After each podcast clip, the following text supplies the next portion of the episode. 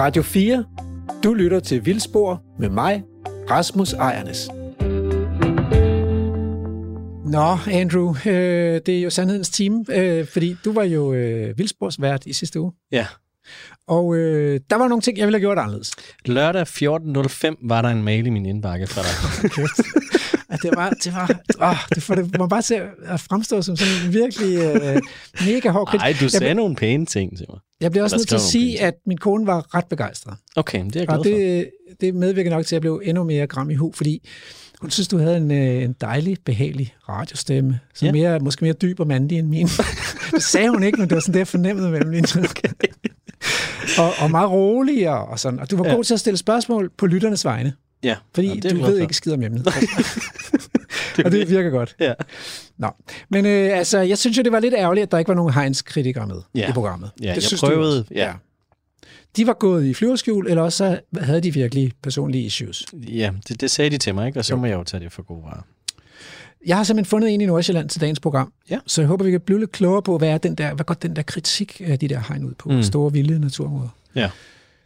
Så havde du øh, Karsten igennem, og han nævnte, at der var sådan nogle reelle faglige uenigheder. Men det er jo lidt ærgerligt, så kun at have en mand igennem. Det, Om- det, det er det, ja. ja. Så, øh, så jeg synes, vi skal prøve at få, øh, få fat i Karsten, og så har jeg lavet en aftale med Jens Christian Svending, om at han også gerne vil være med, og så, så kan vi få en debat mellem de to store giraffer Ja. i dansk naturforvaltning om de andre store dyr. Ikke? God idé. passer ja. godt sammen Ja. på en måde. Øhm, og der var en debat mellem Morten D.D. og Sebastian. Ja. Det, det var jo ret underholdende, altså de der to mænd, når man forestiller sig, at de sidder og kører i bil. Ja. Et, to, tre dyr. Jeg, jeg, jeg vil virkelig gerne se der, hvor de simpelthen kører for langt, fordi de, de diskuterer så meget. Det, det tror jeg er ret det underholdende. gjorde vi da ikke på vores sommertur på noget tidspunkt. Nej, vi var jo ikke uenige. Nej, nej næsten ikke. Ikke næsten ikke. Nå, altså, øh, men de er jo heller ikke rigtig forskere, nogle af dem, så derfor så tror jeg, at det kunne øh, godt få nogle ting, øh, sådan ligesom oplyst noget af det her område ved at få øh, Carsten og Jens Christian til at diskutere. Øh. Og så er der simpelthen, der er også et eller andet med hele den her ballade, som virker sådan lidt andedamsagtig, altså Mm. sådan et provinshuls... Øh, øh, og, og der kunne jeg godt tænke mig at prøve at få et blik på den danske debat fra Kenneth Buch i Sydafrika. Ja. Så jeg aftalte, at vi godt må ringe til ham. God idé. Øh, han har studeret geparder og alt muligt andet vildt, ikke? så jeg tænker, der må, der må, han må kunne slå lidt ud med vingerne. Men allerførst, så skal vi til øh, Michael Stolze i- på Bornholm, i Almeningen, Vi vender tilbage. til. Åstedet, Ja. fordi der var vi i sommer. Ja. Øh, så vi har snydt lidt, så det er sådan en juli-reportage. Ikke? Jo, men det var fordi, nu var vi derovre, ikke? Og så Jo. kunne vi så godt lave en reportage. Så øh, skal vi ikke bare... Øh, Det, Stik du- af. Måske det handler om bisserne. ja, det er rigtigt. Det Ja. er, vi er simpelthen taget med Michael Stolze, som bor i Almeningen, ud i den der bisonindhegning, for at se, om vi kunne få øje på dyrene, og øh, se, hvad de lavede derude. Ja. Og tale om det. Godt afsæt også til den store diskussion bagefter. Det øh, passer som fod i hosen. Vi øh, præsenterer, hvor vi er og hvad der sker og så videre. Vi sidder, øh, vi sidder her øh, inde i Almeningen, som er en af Danmarks største skovkomplekser. Men udover at sidde i Almeningen, så har vi kørt ind over en øh, ferist ind i den indhegning, der hedder Bison-indhegning på 200 hektar eller sådan noget i den retning. Og, øh, og jeg sidder her øh, i bilen sammen med, med Michael Stolze, øh, som er biolog og øh, naturformidler og ekspert i sommerfugle sådan set. Øh, men du ved meget om, om, om natur i det hele taget, så bor du ganske tæt på her. Ja, Øh, jeg bor 4 km herfra, ja, og der er rigtig mange mennesker. Nu er det jo altså ikke strandvejr, og det vil sige, at i stedet for at tage til stranden, så tager man ind og soler sig sammen med bisonokserne. Og det er dem, vi er ude på udkig Ja. efter. Ja, Og øh, der er jo, står desværre rigtig mange træer her, øh, så det kan godt være svært at se ind i skoven her. det er svært at se. Jeg vil sige, at jeg har faktisk aldrig nogensinde set så mange biler på en gang herinde. Nej. Det er helt vildt. Ja. Og de holder rundt omkring. Øh, vi kan, jeg tror, vi skal holde ind til siden her. Og så spørger man, har I set øh, bisonokserne? Ja. Og så er der nogen, der siger, ja, det har vi. Eller så siger nej, vi har gået rundt hele dagen og ikke set dem. Men øh, de gemmer sig her. Der er ikke GPS'er på, så man ved aldrig, hvor de er. Så Og, og hvor mange cirka er der? der er, nu kan jeg ikke huske det, det er 12-13 stykker. Der har været lidt flere, men der er nogen, der er døde på grund af nogle parasitter, og nogen er eksporteret. Øh, så, men man startede med syv øh, seks køer og en tyr, som mm. havde de der seks køer for noget år tilbage. Det gjorde han rigtig godt, så de blev til mange. Mm. Så der er født mange kalve her, og der, så der kom mange ud af det. Men de er så også, øh, de bliver ret nemt syge af forskellige parasitter og sådan noget der, så der, det, det sker, der er nogen, der dør og sådan noget. Men, men altså, de er blevet, det er så et af steder, de mange steder efterhånden i Europa, hvor der er, er bison. Og de går så ikke frit, men er hegnet ind i en 2 kvadratkilometer stor indhegning. Så der kan fint leve, uden at de bliver fodret eller noget som helst. Der kan godt leve en øh, 15-20 bison her og have rigeligt rigelig med mad. Ja, man kan jo, hvis vi kigger ind i grøftekanten og ind under de her egetræer, der står i højre side, så er der masser af græs. Altså, Der er rigtig meget, ja. Der er rigtig meget. der er på ingen måde spist op. Nej, nej. Det er altså 200 hektar, det er jo ret meget. Så hvis de har 10 hektar hver, så til, til 20 store bison, det vil fint kunne klare sig. Det er ingen- tvivl om. Det, det er jo meget. Det er jo nogle store dyr. Tyrene kan veje op til 1000 kilo. Ja, Øh, Det er sjældent, de gør det, men det, det, de kan nå deroppe af. Ja og køerne er kun halvt så store, ikke? Ja, og normalt så vejer han tyr ved 600-700 kilo, Ja. 800, og så kører omkring 400-500 kilo. Der. Jeg siger, her holder en masse biler, og det kunne tyde på, at der måske er noget bison, det ved jeg ikke. Der, der er en masse folk, der er stedet ud. Så det kan også være, at der skal være noget tur, det ved jeg ikke. Men vi kan godt holde herhenne. Mm. Altså på Mols Laboratoriet, der siger man jo... Men der øh, står omkring- folk og kigger. Jeg, jeg, Jeg synes, det ser meget det, ud. det ser ud som om, der er noget... Er det der? Det kunne være, vi er heldige. Det er Der, sådan, de, der står nogle heste der, eller hvad? Er det bisserne? Det der er sgu står bisserne. de fandme. Ej, men yes! høre, er vi heldige. Ej, vi er så heldige. Det er lang tid siden, jeg har set Der er det. ikke heste herinde, vel? Nej, der er ikke. Der står hele flokken. Uh, det det er er godt. godt, jeg har kamera med. Der er også en mand, ja, han smider tøjet. Er det for at fejre bisserne, måske? Ja. Ej, men det er jo smukt. Altså, det, det, det er, der er vi heldige. Der, Det er altså lidt stærkt, der parkerer foran ham, men han har måske fået en flåt på overkrommen, eller... Det skal nok være til det. ja. Nå, lad os komme ud og kigge på dyrene. Så kan jeg fortælle imens.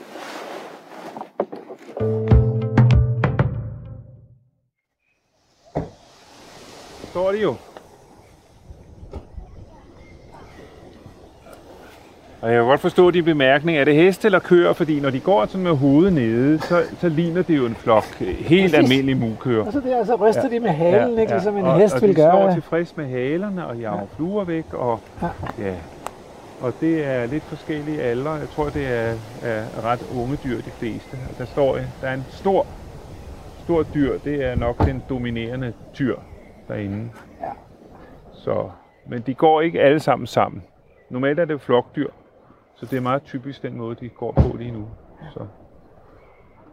Men det er nogle meget, meget smukke dyr, synes jeg. Altså, jeg er jo mest til smådyr og sommerfugle. Jeg kan slet ikke overskue sådan nogle store dyr. Men øh, jeg mødte dem første gang, da jeg startede i Naturstyrelsen herovre. Jeg var ansat nogle år. Og, øh, og øh, der var jeg ude med skovfoden, og så var det en novemberdag, der mødte vi dem så inde i skoven. Der stod det, så gik de sammen med det gyldne løv, der var lidt tilbage. Og så stod de og kiggede fuldstændig bumstille. Og det var, det var virkelig magisk. Og der blev jeg altså tændt på de store dyr.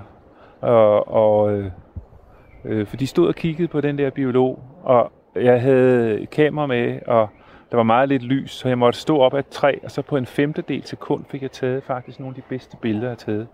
Hvor de var sådan helt gyldenfarvede med, de er, med sort og brun, og det var meget flot. Og så er det en utrolig dramatisk historie med, at de har været næsten udryddet fra jordens overflade. Altså alle de snart 10.000 bison, europæiske bison, der findes i verden, stammer fra 12 dyr, der blev tilbage. 12 dyr.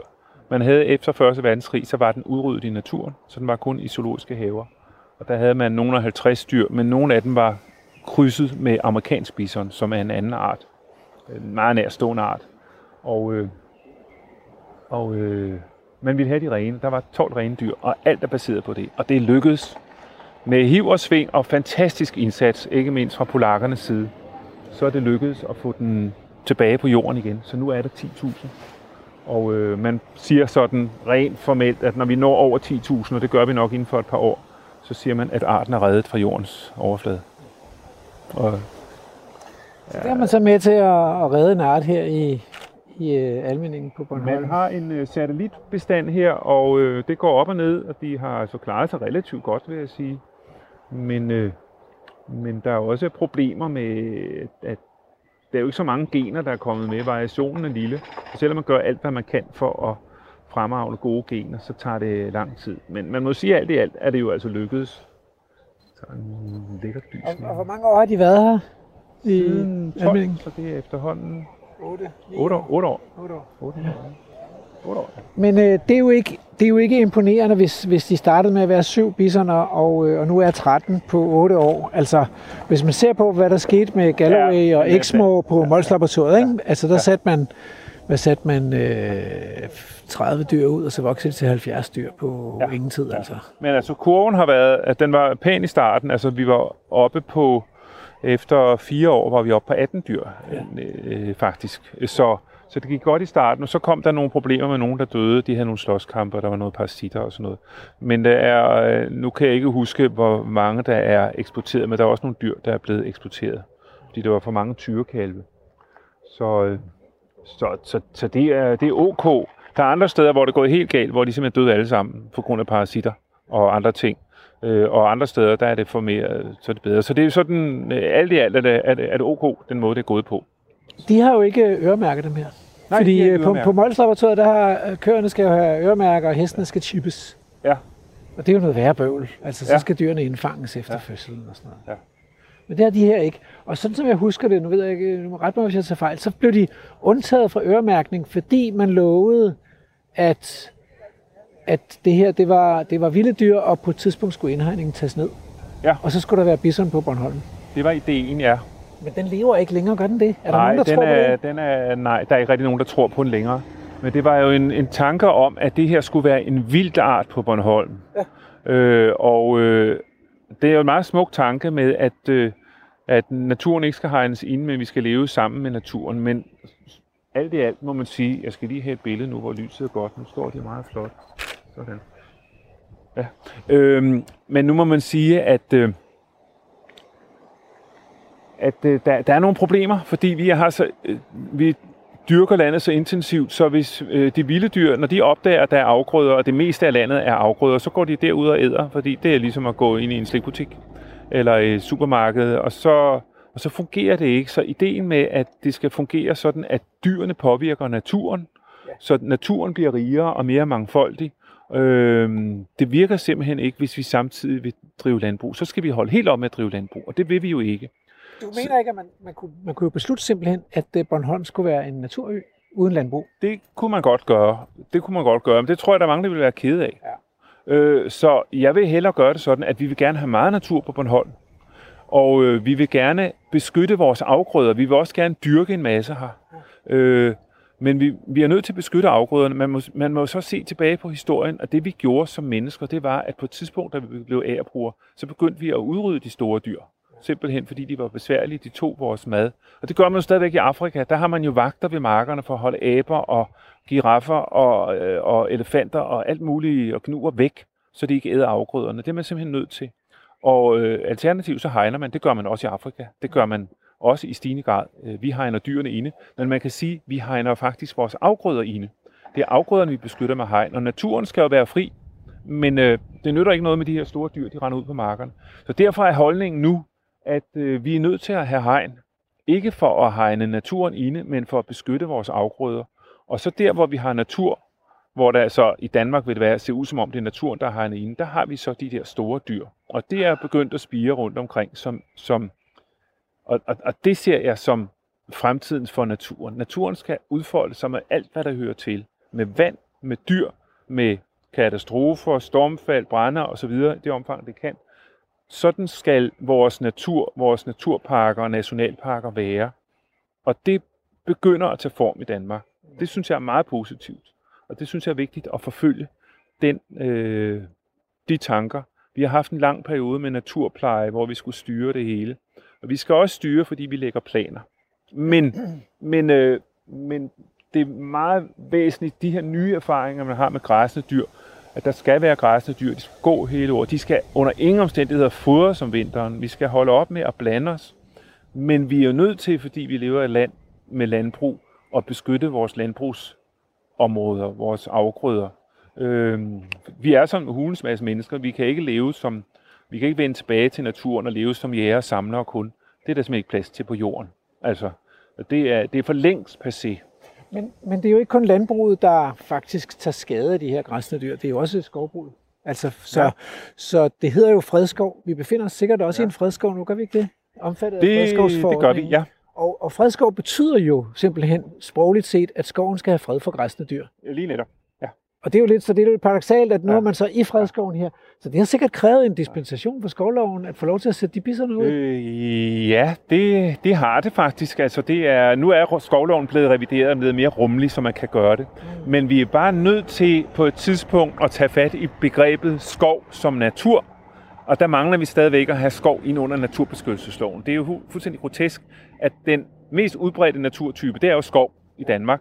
Øh, vi har også moser og alt muligt andet men det er ikke omfattet af naturbeskyttelsesloven. Og det er jo, fordi vi har et nyttesyn. Men det, det er helt klart, at øh, jeg har arbejdet for det i overvis, men det tager lang tid at ændre det. At vi skal have skov ind som en naturtype, og så skal det bare have fred. Og det vil sige, at det skal have fred for nogen som helst indgreb, men alle de der funktioner skal være der. Vandet skal være der. Drænkanalerne skal ikke være der. Vi har en lille grøft her, den burde ikke være der.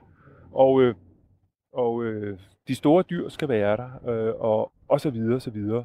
Men, men der er jo nogen, ja. der vil, så vil de kigge på det hegn, der står her. Det er jo et relativt højt hegn, et par ja. meter højt eller sådan noget. Ja. Og, og så vil de sige, men det er jo bare, det er jo, det er jo bare sundt en zoologisk have. Altså. Ja. Øh, Hvor, hvorfor er det her ikke, en zoolo, ikke bare en zoologisk have, hvor man kan se ja. syv bisser? Men det er, det, altså, det er jo lidt rigtigt. En zoologisk have, der har man jo bare alt for mange dyr per kvadratmeter normalt, så har man jo, så har man, altså der murer man jo ud og så videre, fordi det hænger overhovedet ikke sammen, de små arealer. Ja. Så det her, det er måske mere en dyrepark, øh, vil lige så kalde det dyrepark, ja. og, øh, og, og, og det er jo rigtigt nok, det er jo meget småt, altså to kvadratkilometer er jo ingenting.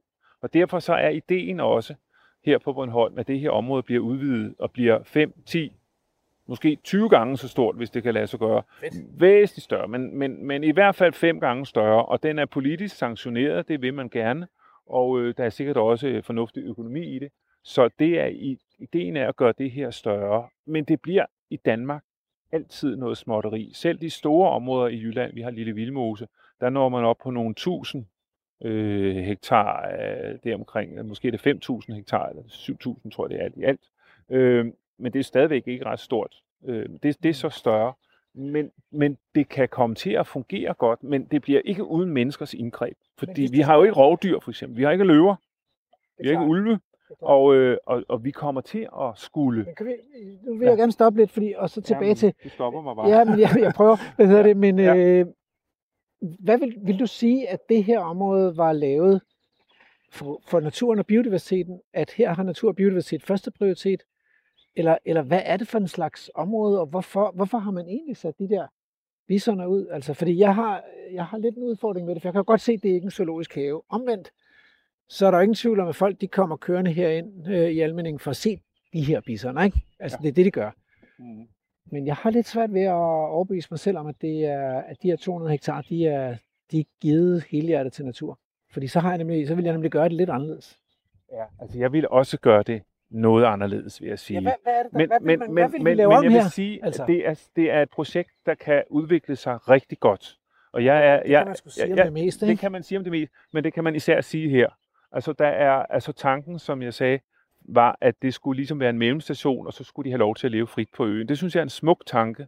Men, men, men øh, lille smule naiv, og øh, den er meget smuk, bare ikke helt gennemtænkt, mm. fordi man har ikke tænkt på det der med landbruget. Man har ikke tænkt på, at det kan hverken fungere for landbruget eller for naturen. Men tilbage til de 200 hektar. Ja. Så hvis vi nu tager udgangspunkt i de der 200 ja. hektar, så siger okay, fra i morgen, der skal det være på naturens præmisser. Ja. Så det skal være vildt og biodiverst. Hvad vil man så gøre? Øh, man vil gøre noget af det, som faktisk er på vej. Øh, altså jeg er ret positiv på det her projekts vegne. Fordi man vil for det første stoppe helt med at fodre dyrene. Man har fodret dyrene her om vinteren. Og det, øh, jeg synes, det har været forkert fra starten. Det giver ingen mening. Det giver ingen mening. Ikke i forhold til, at man gerne vil have en effekt på naturen. Man vil gerne have, at øh, man finder ud af noget om, hvor meget går de til træerne, hvor meget ødelægger de her træer osv. med barkskrældning. De skræller træerne og påvirker. Og, og, og, og det har man undersøgt. Men i det øjeblik, man fodrer, så fucker man det hele op, hvis jeg må være så fri, ja. at man, øh, øh, det, det, det har simpelthen ikke været særlig godt. Så, så der har man, man har egentlig spildt nogle år med at lave et eller andet, hvor det har været alt for styret. Nu er man så holdt helt op med at fodre dyrene. Man giver kun lidt foder for at lokke dem til, hvis man skal indfange dem. Det er fint nok. Men i princippet ikke noget fodring. Og der kan være flere dyr herinde i, i indhegningen, hvis de skal øh, græsse øh, meget ned om vinteren. Hvis man nu skulle forestille sig, at Ja. det skulle være et naturligt økosystem, det vil sige, at vi ikke sådan sætter bestemte faste mål for, hvad der skal ske herinde, men i et naturligt økosystem, der vil jo være mange flere dyr. Altså, vi har jo begge så været i Afrika, så vi, Ja. ja. vi har jo set savanneøkosystemer, ja. hvor mange dyr de faktisk kan bære, ikke? Ja. Ja. Altså, selvom der også er tørketid i Afrika. Så, så hvis der er, altså nu kan, vi, nu skal vi stå og kigge på en lille flok på en 6-7 dyr, ikke? Ja. Men, og hvis der er 13 herinde, det er jo ikke ret mange dyr på, Nej. på 200 hektar. Nej, det er det ikke. Og der er godt nok også meget mad her. Der er rigtig meget mad, og der er også meget om vinteren, og de æder alt muligt. De æder bark, Ja. de æder øh, fluesvampe om efteråret, altså de æder alt muligt, og de æder vissen græs, så de går i bund. Og der, jeg ved ikke, det er jeg ikke ekspert, jeg ved ikke, hvor mange dyr det kunne, øh, der er føde til herinde, men altså 30, 35, 40 dyr, det skulle ikke undre mig, at det kunne faktisk fint hænge sammen. Og, og der er man ikke endnu, fordi der er altså nogle udfordringer med deres, at de er svage dyr med, med parasitter, og måske den der fodring også har fremmet parasitterne. Det er i hvert fald noget af det, man, man er bekymret for. Så, så ideen er, at man vil gerne fortsætte det her, øh, og uden fodring, at, øh, at øh, der bliver en større indhegning, og der kommer mange flere dyr. Og der kommer måske også et par andre arter ind, måske vildheste, måske el og, og andet ind også. Så der er flere store planteædere, der supplerer hinanden. Og øh, det synes jeg ser rigtig lovende ud, og det er der altså tanker om, og det bliver, støt, det bliver støttet af rigtig mange. På øen har også af Naturstyrelsen at gå den vej. Så det, det, så det tegner godt. Men man har gjort nogle fodfejl, og den der forestilling om, at de skulle leve frit, den er, synes jeg, smuk. Jeg var selv øh, for den, og synes, ej, det kunne være fantastisk. Også det der med at komme til en ø, hvor der er fritlevende bison. Men den holder ikke. For landbruget og naturen, vi vil noget andet med øen. Vi vil gerne have et landbrug, der er bæredygtigt og fornuftigt og giver gode fødevarer. Og vi vil også gerne have vild natur. Så det bliver noget med hegn og de her dyr. Det er sådan, jeg, jeg opfatter tingene, som de står nu. Og, og det tegner, altså, jeg vælger at se på det positivt. Og jeg synes, det tegner godt. Og, og, og der er de forskellige parter begynder at indse, at vi, vi har gjort nogle erfaringer på, med, med bison på Bornholm. Og så er det altså også en turistmagnet. Fordi historien, og jo mere man ved om den, nu står tyren og kigger på os, ikke? det er nogle flotte dyr. Og jo mere man ved om det, og den dramatiske historie, jo mere magisk bliver det. Og folk får en kæmpe oplevelse af at se dem herinde. De går glade herfra. Det er fedt med de der hesteagtige haler, der vifter fluer væk. Ja, Ja. De er virkelig, virkelig lange, buskede Ja. ja. haler, de har. Øh, Jeg kan sige herinde, der er en lille lysning inde til øh, højre, og det var, øh, der fandt vi den første, eller var det nummer to bison, der døde. Vi, vi manglede simpelthen et dyr, og vi kunne se, og, og, og vi talte flokken og gang på gang, og så øh, alle Naturstyrelsen folk og medhjælpere var ude, og så gik vi kæde gennem skoven og ledte og kiggede alle mulige steder for at se, om vi kunne se det. Så blev den fundet død. Vi vidste ikke, om den bare var alene, men den lå herinde. Og det var faktisk meget øh, fint, for den var den havde lagt sig ved siden af noget vand, og den har bare ligget der og været svag, og så udordnet der. Fået en stille, smuk død, sandsynligvis. Så Fordi det er jo ja. et, et af de andre spørgsmål, der ligesom, øh, øh, og som vi før berørte i Vildspor, det er nemlig, når, når nu vi laver en indhegning, og det er jo os, der har besluttet, at hegnet skal gå lige der, så kan dyrene jo ikke frit søge andre græsgange, om jeg så må sige. Nej. På, er det så ansvarspådragende? Er vi så forpligtet til at tilse dyrene og sørge for, at de ikke lider for eksempel, eller sulter, eller øh, og, og skal vi ligesom udfri dyrene af deres lidelser? Og sådan noget? Hvordan ser du på hele det der dyrevelfærdsetiske aspekt? Øh, på, pådrager vi os et ansvar ved at, at sætte det hegn der? Men vi har jo altså, øh, uden at vi har villet det, pådraget os et stort ansvar for, for hele jorden. Altså, med at vi er blevet så mange og ligesom har taget, taget øh, tilværelsen, altså, altså at vi lægger planer, vi planlægger jo alt på jorden, altså vi, vi bestemmer stort set det hele, ikke? vi leger næsten Gud. Men, men øh, så vi har, øh, vi har et vi har et ansvar selvfølgelig. Øh, vi skal jo ikke plage dyrene, men vi skal give naturen fri. Og det synes jeg er vigtigt. Og øh, processerne fri. Simpelthen fordi det er så enestående, at det bare findes. Det er det, der er helt afgørende. Det er, at naturen findes, arterne findes. Og det gør de, fordi at kræfterne, naturkræfterne har virket gennem de her milliarder år. og så skabt det. Som, så det er alle vores medskabninger, og, og vi skal bare ikke betragte de her naturområder og de dyr, der er der, som, øh, som noget, vi bestemmer over, og hvor vi går ind og regulerer, og når det er synd for dem, så skal vi give dem medicin og sådan noget. Selvfølgelig skal vi ikke det. Vi kan ikke gå ud og give de vilde sommerfugle, eller træer, eller blomster, eller, eller øh, rådyr medicin og pleje den og sådan noget. Det er jo helt forkert.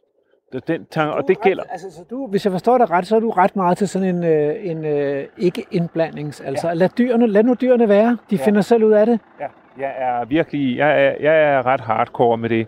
Øh, og jeg, jeg mener også, at dyrene, jamen dyrene bliver syge, syge og, og fejler alt muligt, og de er onde ved hinanden, og de angriber hinanden og sådan noget. Sådan er naturen, og naturen er enormt rå.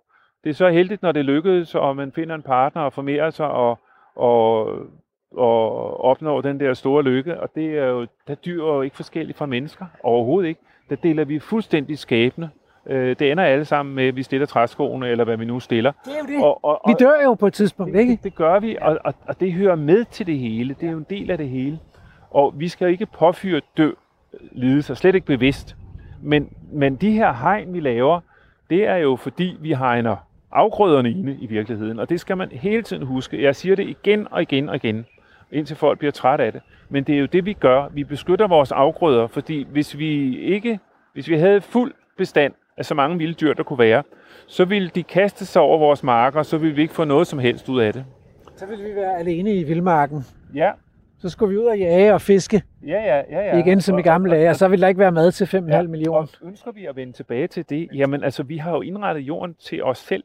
Ja. Vi, har, vi har taget for os og inddraget en hel masse. Og det er det, vi som moderne mennesker har fundet ud af, at, at jorden bliver simpelthen dødssyg og kedelig, hvis det kun er til os selv. Hvis vi ender med, at og vi kunne sikkert godt, det er jo kontroversielt, synes nogen, øh, jeg synes det ikke, men vi kunne godt indrette jorden, så vi havde 10.000 arter af de der flere millioner arter, og så kunne vi fungere sammen med dem og få mad og blive 30-40 milliarder mennesker, og vi kunne leve og få mad på bordet, og jorden ville være dødssyg. Hvad fanden skulle vi leve for? Undskyld mit franske. Pizza nummer men, 14. Ja.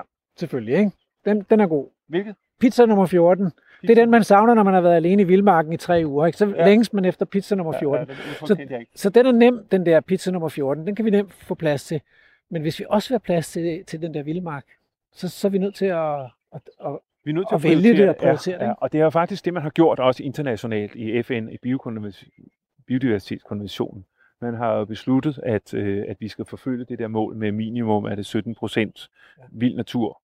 Og øh, der er vi jo langt fra i Danmark. Altså, vi, man kan jo sige, har vi 0,2 procent, eller har vi 5 procent? Alt svinger med, men, men vi har jo ganske lille del, altså måske er det 1-2 procent, plejer jeg at sige, som, som, hvor vi har givet naturen rimelig fri. Og, og det er jeg slet ikke i tvivl om, at det er den balance, vi skal nå. Det handler om balance. Vi skal nå frem til i Danmark øh, en balance, hvor vi har vild natur i et pænt omfang, så at naturen kan være der. Øh, at alle medskabninger kan udfolde sig frit. Og det gælder store dyr, det gælder små dyr, det gælder planter. Og øh, ikke tage al pladsen til alt det der, hvor det havde produktion nytte. Og det skal også være der. Så det er jo ikke sort-hvidt på den måde. Det er ikke et spørgsmål om, at vi skal tilbage til naturen.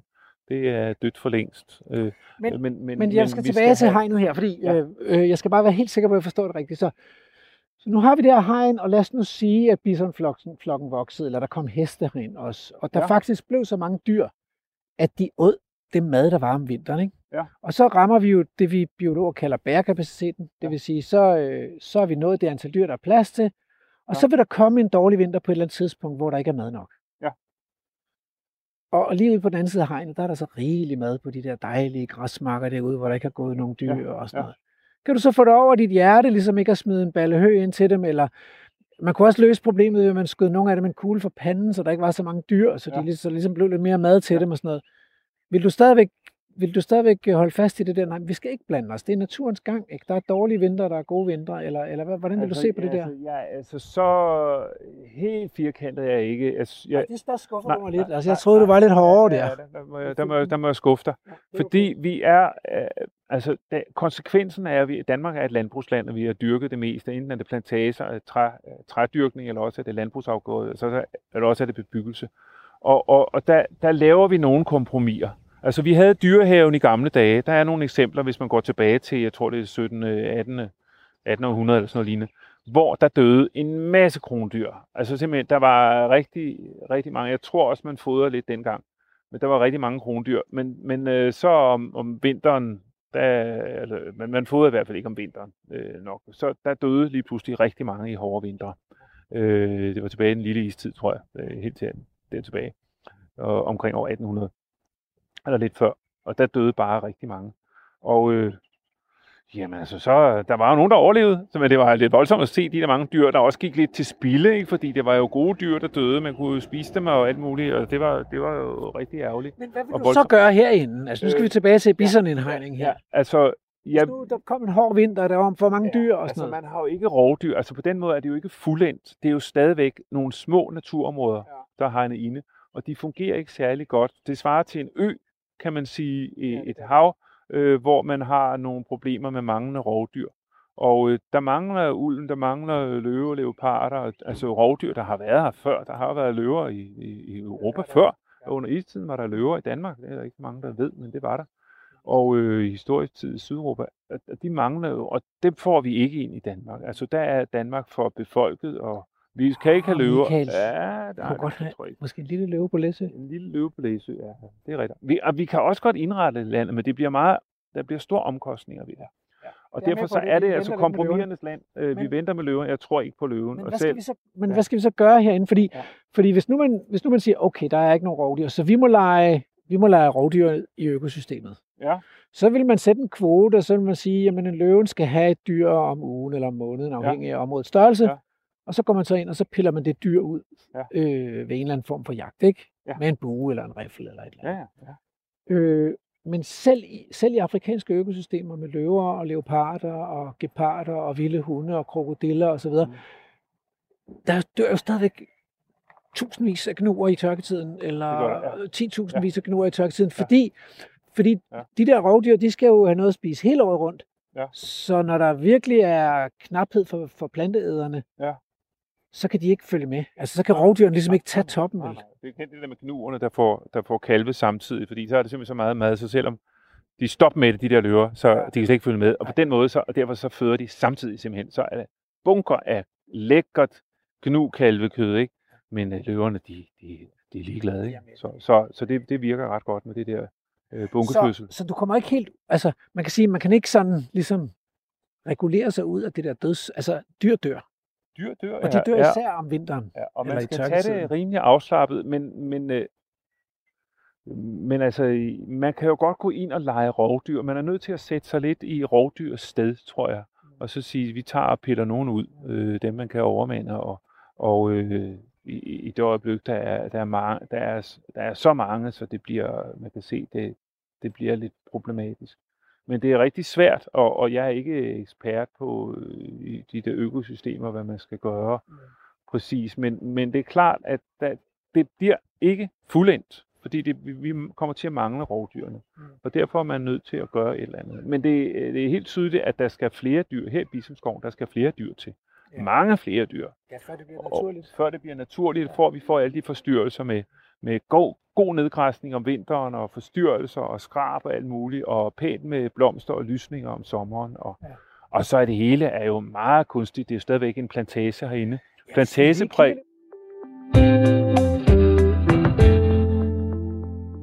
Så er vi tilbage i studiet her, øh, og øh, det er blevet tid til et interview.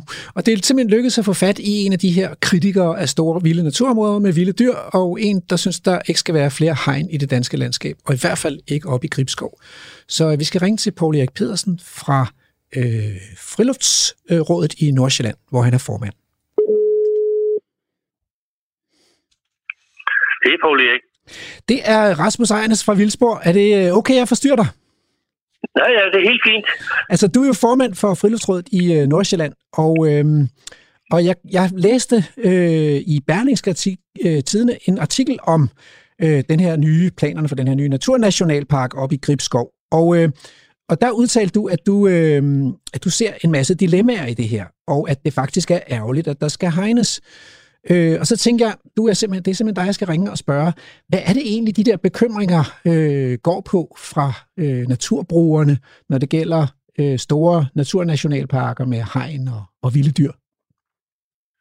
Jo, men det er jo, for vores vedkommende er det vigtigt, at vi tænker friluftslivet med fra start i planlægningen af de store naturnationalparker. Fordi øh, det er også med til at være en afgørende øh, faktor for opbakning til den vildere natur. Men vi mener helt klart, at øh, vi skal finde løsningerne sammen. Ja.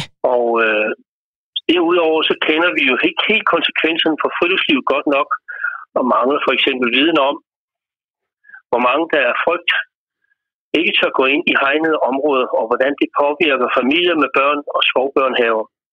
Og det, derfor er det jo sådan set et område, der er meget vigtigt for os at få afklaret.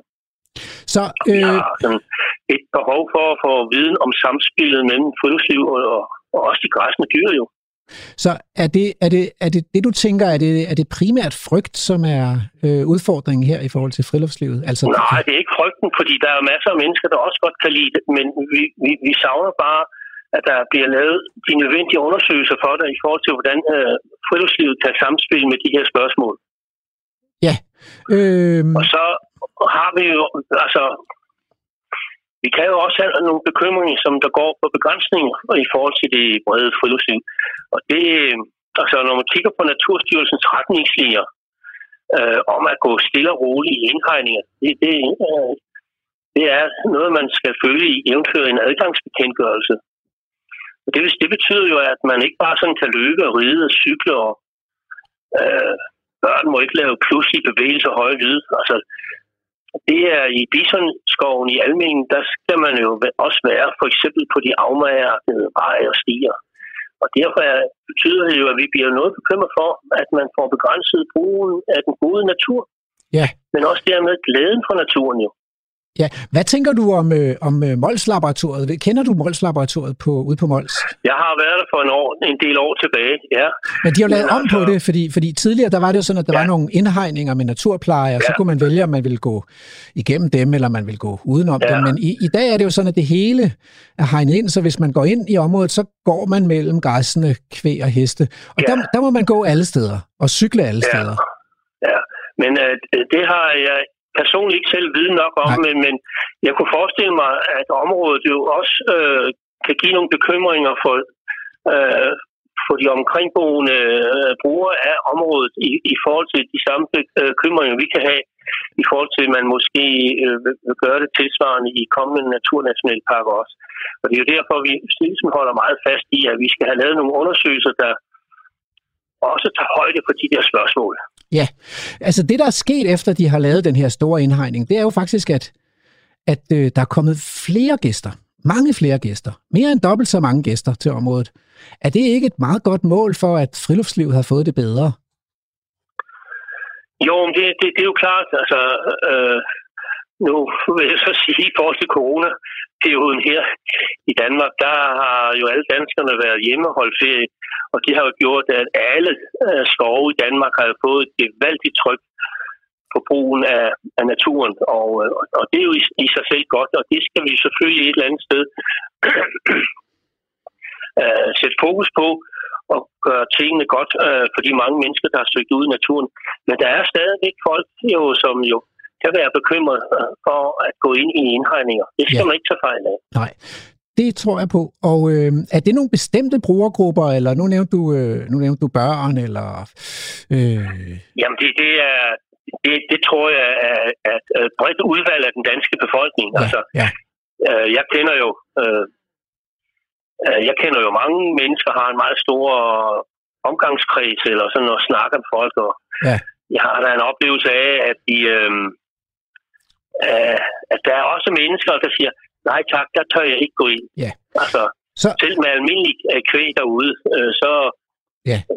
så siger Se... de også nej tak, men, men der er og det er jo lige så meget som de modsatte, der er dem, der synes, det er dødspændende at komme ind i sådan nogle områder også, ikke? Jo, og, øh, og, her, og her til sidst, der kunne jeg godt tænke mig at, at stille et, sådan et lidt andet spørgsmål, altså fordi, øh, fordi forskerne, de peger jo på, at, øh, at nogle af de her områder, blandt andet Gribskov, øh, det kunne være et af de bedste steder at udlægge vild natur, øh, fordi området er stort og sammenhængende og sådan noget. Ja.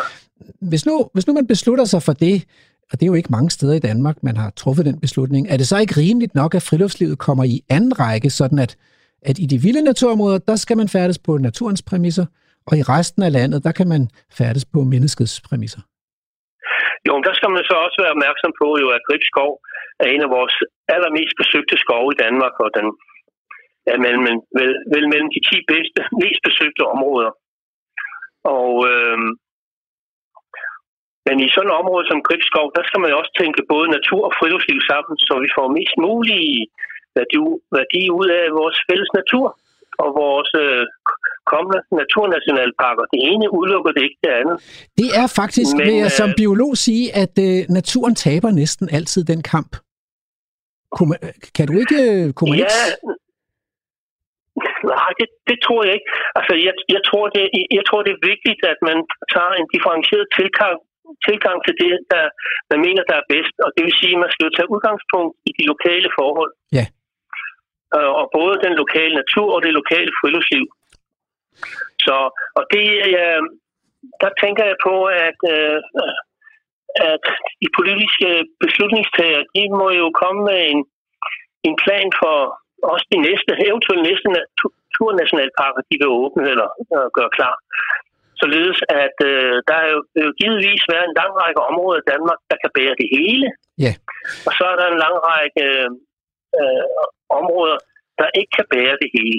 Altså, Ja. øh, man skal være meget opmærksom på, øh, øh, hvad skal man sige, såkaldte bynære områder, øh, og det kan man godt kalde øh, Gribskov. Ja. Ja. Og så skal man være lidt varsom med at bare sætte meget høje hegn ind og Tak. Tak skal du have. Øh, tak skal du have. Vi har været øh, rundt om det, og øh, jeg forstår, Ja. at øh, vi skal også høre friluftslivet i de her vilde naturområder. Tak skal du have. Helt i orden. Ja, Hej. Du lytter til Radio 4. Så øh, har vi simpelthen øh, fået en aftale med Kenneth Buch øh, om at øh, ringe ham op og høre, få sådan et, øh, et, et globalt, eller i hvert fald et øh, internationalt outlook, øh, eller indblik i den danske øh, andedam og de diskussioner, vi har nu om store vilde naturområder. Fordi der er jo mange andre lande, der har prøvet det her med ægte nationalparker og stor vild natur før os. Så øh, har, jeg, har jeg dig med på linjen, Kenneth? Ja, ja, ja. Så vil jeg starte med at sige tillykke med phd graden Altså herhjemme, der Jo. laver biologer jo PhD om øh, brune mosser i rigkær eller plantediversitet i klitterne. Men hvad har du lavet PhD om? Om geparder Om og gepard. deres forvaltning i mesapopulationer. Yes. Det, øh, det sparker sgu lidt røv. Øh, der vil nok være nogle af lytterne, der er lidt misundelige. over- Men så må man jo rejse ud i verden, hvis man vil lave øh, PhD om store vilde dyr. Øh, se, jeg vil spørge dig først. Øh, hvad tænker du om, at vi i Danmark er sådan så betænkelige ved indhegnede naturreservater med store dyr? Hvordan ser det ud ned for dig? Altså det, jeg tænker først, det er, at man, man må se på hegn som at være et, forvaltnings, et uh, forvaltningsværktøj. Det skal ikke være et mål i sig selv, og der er selvfølgelig ikke nogen, der, der elsker hegnene bare for hegnenes skyld. Så udgangspunktet, det må være at kigge på, hvad er formålet med forvaltningen af de pågældende områder. Og så, Ja. så har man måske nogle problemer i Danmark, fordi man ikke rigtig fået defineret, hvad naturnationalparker og urørt skov skal være eller skal, skal opfylde. Og nationalparkerne var heller ikke nogen succes i forhold til at definere dem ud fra en øh, biodiversitetssynsvinkel. Men hvis vi nu tager udgangspunkt i, at formålet det skal være at stoppe tabet af biodiversitet, så vil de fleste biologer i Danmark nok sige, at løsningen primært er at beskytte nogle store områder med flere naturlige processer.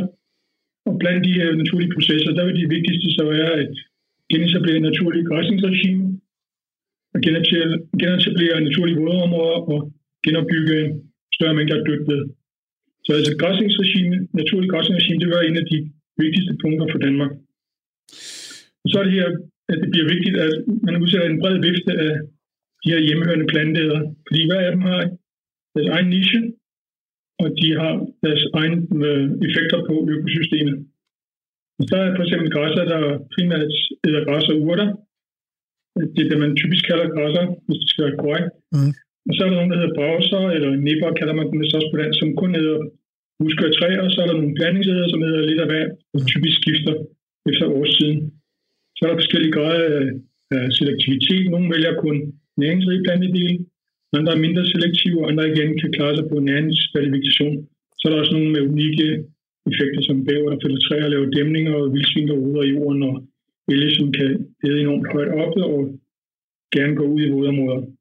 Men altså erfaringen her på Sydafrika er, at hvis man vil genudsætte de store planteder i et tætbefolket land, med landbrug og infrastruktur, så kan det praktisk kun at gøre ved, at man holder dyrene inde med et hegn. Fordi det, man gerne vil opnå, det er naturlige tillader inden for naturreservatet, og udenfor vil man undgå uacceptable skader af afgrøder, man vil undgå trafikuheld eller en ligefrem angreb på personer. Så her i Sydafrika, der har vi 19 øh, nationalparker, altså ægte nationalparker, kan man sige. Og ud af de 19, der har jeg 18 hegnet. Og grunden til, at den sidste ikke er hegnet, det er, fordi det er et stykke ørken med endemiske blomster, som man har lejet nogle gedehyrer. Og her er det primært et spørgsmål om at reducere antallet af, af geder, som man ikke udrydder de her endemiske planter. Men altså, langt hovedparten af nationalparker er hegnet. Og det er tilsvarende mønster for de andre offentlige og også de private naturreservater. Right. Så er der nogle få interessante modifikationer, f.eks. i Kryger Nationalparken, som nok er den mest kendte hernede. Der har man hegnet nogle private naturreservater, eller nogle private inden for hegnet. Sådan at de her private reservater, de får andel i dyrene for krykker, men med nogle fastlagte jagtgrupper. Okay. Så på den måde, der kan jægerne være med til at sikre meget værdifuld natur. Og det vil også være noget, man kunne praktisere i Danmark, hvis man tog udfordringer op. Mm. Så er der en anden modifikation der i Kalahari Nationalparken. Der har man ikke noget hegn mod grænsen til Botswana, men det hænger sammen med, at der er også nationalpark på den anden side af grænsen. Og tilsvarende har man i Kryger pillet et stykke hegn ned på grænsen til Mozambique, da man lavede en nationalpark på den side. Okay. Men, øh, og det er jo nogle meget store, og selvfølgelig nogle, nogle af de her nationalparker meget større, end vi har i Danmark. Men, men altså, nu argumenterer du ret godt for den biologiske begrundelse og også politiske begrundelse for hegn, altså man vil løse en konflikt, og man vil sikre god natur i nationalparken. Men, men altså, i Danmark er der jo bekymringer, fordi store vilde dyr kan jo godt være farlige. Så kan du godt forstå, at danskerne er betænkelige ved at sætte heste, kvæg og bison på fri fod i, øh, i Aarhus-skovene, eller i Gribskov, eller nogle af de andre steder, der er tale om at lave mere vild natur? Altså, det kan jeg godt forstå, hvis folk er bange for store dyr. Det er faktisk også sundt med en vis respekt. Mm. Men langt de fleste dyr, de vil jo søge væk, når man, når man går i nærheden af dem. Og hvis man ikke er tryg ved, ved store dyr, så synes jeg, man skal læse om, hvordan man bør opføre sig, når man møder dem i naturen. Mm. Så eventuelt tage ud, med, ud på en guided tur, eller i en større gruppe, hvor man føler sig sikker. Mm. Og når man så har opbygget lidt erfaring og mod, så kan man bevæge sig ud i mindre grupper eller på egen hånd, og på den måde vende sig til den nye situation. Mm. Og så skal man være opmærksom på, at langt de fleste problemer opstår, når folk begynder at fodre dyrene, og så begynder de at forbinde folk med, med mad.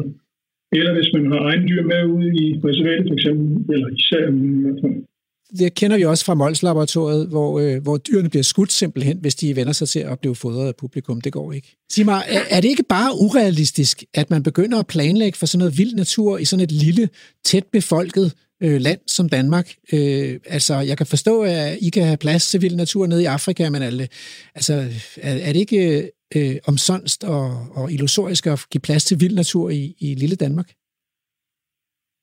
Nej, det er det nemlig ikke. Og der er faktisk, jeg kan give dig tre gode eksempler hernede for. For eksempel Rwanda, som kun er 60% af Danmarks størrelse, men har dobbelt så mange indbyggere. Og der har man alligevel elefanter og flodheste og gorillaer. Og så sent som i 2015 har man udsat løver og sort næse i 2017. Så er der Swaziland, eller som det hedder i dag, Swatini. Det er kun 40% af Danmarks størrelse. Og det har en befolkningstæthed, der svarer nogenlunde til Jyllands. Og der har man også forskellige nationalparker og naturreservater med elefanter, flodheste, sorte hvidt næsehorn, løver og andre rovdyr. Så er der Malawi, som godt nok er tre gange så stort som Danmark, men der bor mere end tre gange der mange mennesker også. Og alligevel så har man valgt at afsætte 21 procent af landet til natur. Man har alle de større arter af dyr, og for nylig udsat geparder og løver. Det er selvfølgelig alt sammen noget, der, der foregår under hegn, fordi det er den eneste praktiske måde at gøre det på i sådan en tæt befolkning lande. Så det der med, at man kan finde plads til store dyr og den biodiversitet, der følger med, det er altså det meste spørgsmål om den politiske prioritering. Så, øh, så hvad skulle politikerne gøre, hvis de ville gøre det her? Sådan? Ja, så kan man jo følge nogle af de eksempler her, med ja. at lave nogle større, så store reservater som muligt. Ja. Og så udsætte som, så bred en vifte af de store planteædere som muligt. Og på den måde sikre den biodiversitet, der følger med. Og så må man så, når man har valgt de store planteder, der er nu øh, passende på det pågældende område, og altså, som helst så mange øh, af de hjemmehørende arter som muligt, så må man vælge hegnet ud for, for de kriterier, som, som plantederne nu øh, har behov for, eller kræver for at blive holdt inde. Så er det øh, simpelthen blevet tid til nyheder, og på den anden side af nyhederne, der skal vi have den her store debat mellem girafferne, og vi skal høre anden del af reportagen fra bisonindhegningen i Almeningen. Radio 4. Du lytter til Vildspor med mig, Rasmus Ejernes. Velkommen til time 2 af Vildspor, som i dag handler om store vilde dyr i Danmarks natur. Dem vi allerede har, og dem vi måske kunne få i fremtiden, hvis vi tør. Og øh, vi starter øh, anden del med at tage tilbage i Bisonskoven i Almeningen, hvor vi har været, øh, vi besøgte jo Michael Stolze i sommer på vores sommertur, og han øh, indvildede i at tage os med ud og vise os bisonerne. Altså det kan man jo ikke garantere, fordi, øh, men vi fandt bisonerne.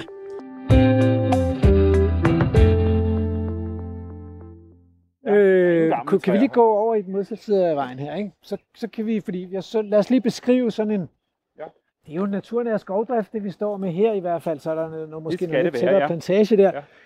Øh, der er lidt forskelligt, der er lidt, lidt egetræer, øh, der er noget bøgeopvækst. Ja.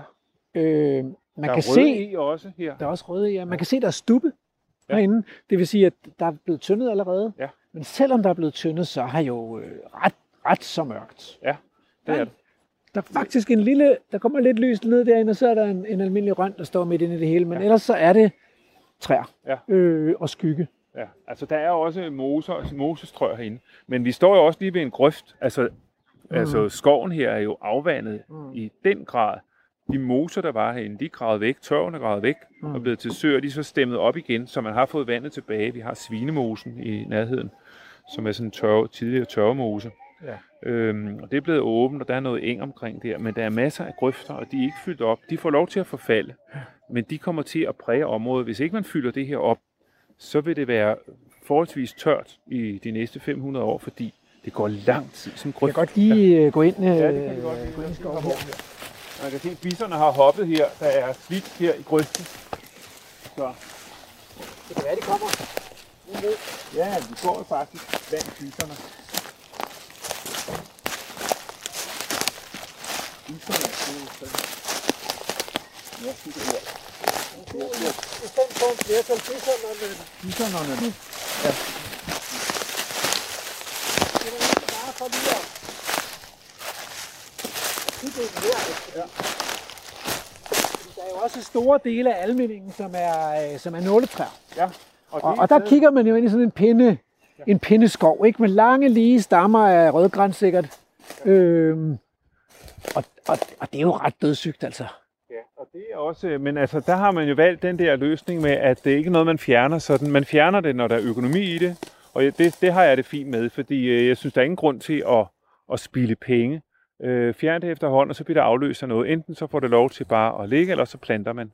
Men i stigende grad, så lader man områderne være, og så springer det i skov øh, efterhånden, så man fjerner det. Øh, så, så, men der, er, der vil være en lang tid, hvor det her er under forandring. Altså det her, det kommer til at ende med, sandsynligvis med at blive urørt skov med de her græsne dyr, men som jo også hører til. Ikke? Så, så, så målet med det her, det er, at det bliver sådan noget vild skov, altså det bliver natur, altså det bliver virkelig helhjertet natur. Men, men man skal blandt andet have gjort noget ved grøfterne, øh, og det er der ikke taget nogen beslutning om endnu, så vidt jeg ved. Øh, så, så afvandingen er et problem. Altså vandet og dyrene er to vigtige faktorer. Det er helt klart, ikke? Det er, det er, øh, det er væsentligt. Sidste år var jeg på, på sommerferie i Tatrabjergene. Der havde de haft øh, billeangreb, typografangreb. Ja. Så der var store, store partier med sådan noget nåleskov i bjergene, der var, hvor træerne var døde, ja. og så var der sådan helt åbent, og så var der bare en vild og voldsom opvækst af alt muligt. Ikke? Ja. Øh, nye træer, buske og høje urter og stavter og sådan noget. Ja. Og der var ingen græsne dyr.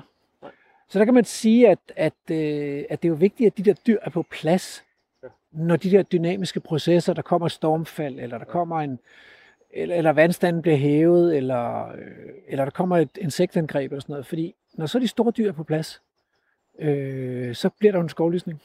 Det gør det. Det er helt, det er helt rigtigt. Det, så det er vigtigt, de er der hele tiden. Og, og herinde der har vi også nogle eksempler, fordi øh, der er nogle store rydninger, og øh, da der var flest bison, der kunne man faktisk se, at der kunne de holde det, nu er der lidt færre, der kunne de holde det nogenlunde åbent. Men birken tager over, det gør den, også selvom der er mange dyr, men altså, det er blevet, blevet ret tæt birkeskov nu.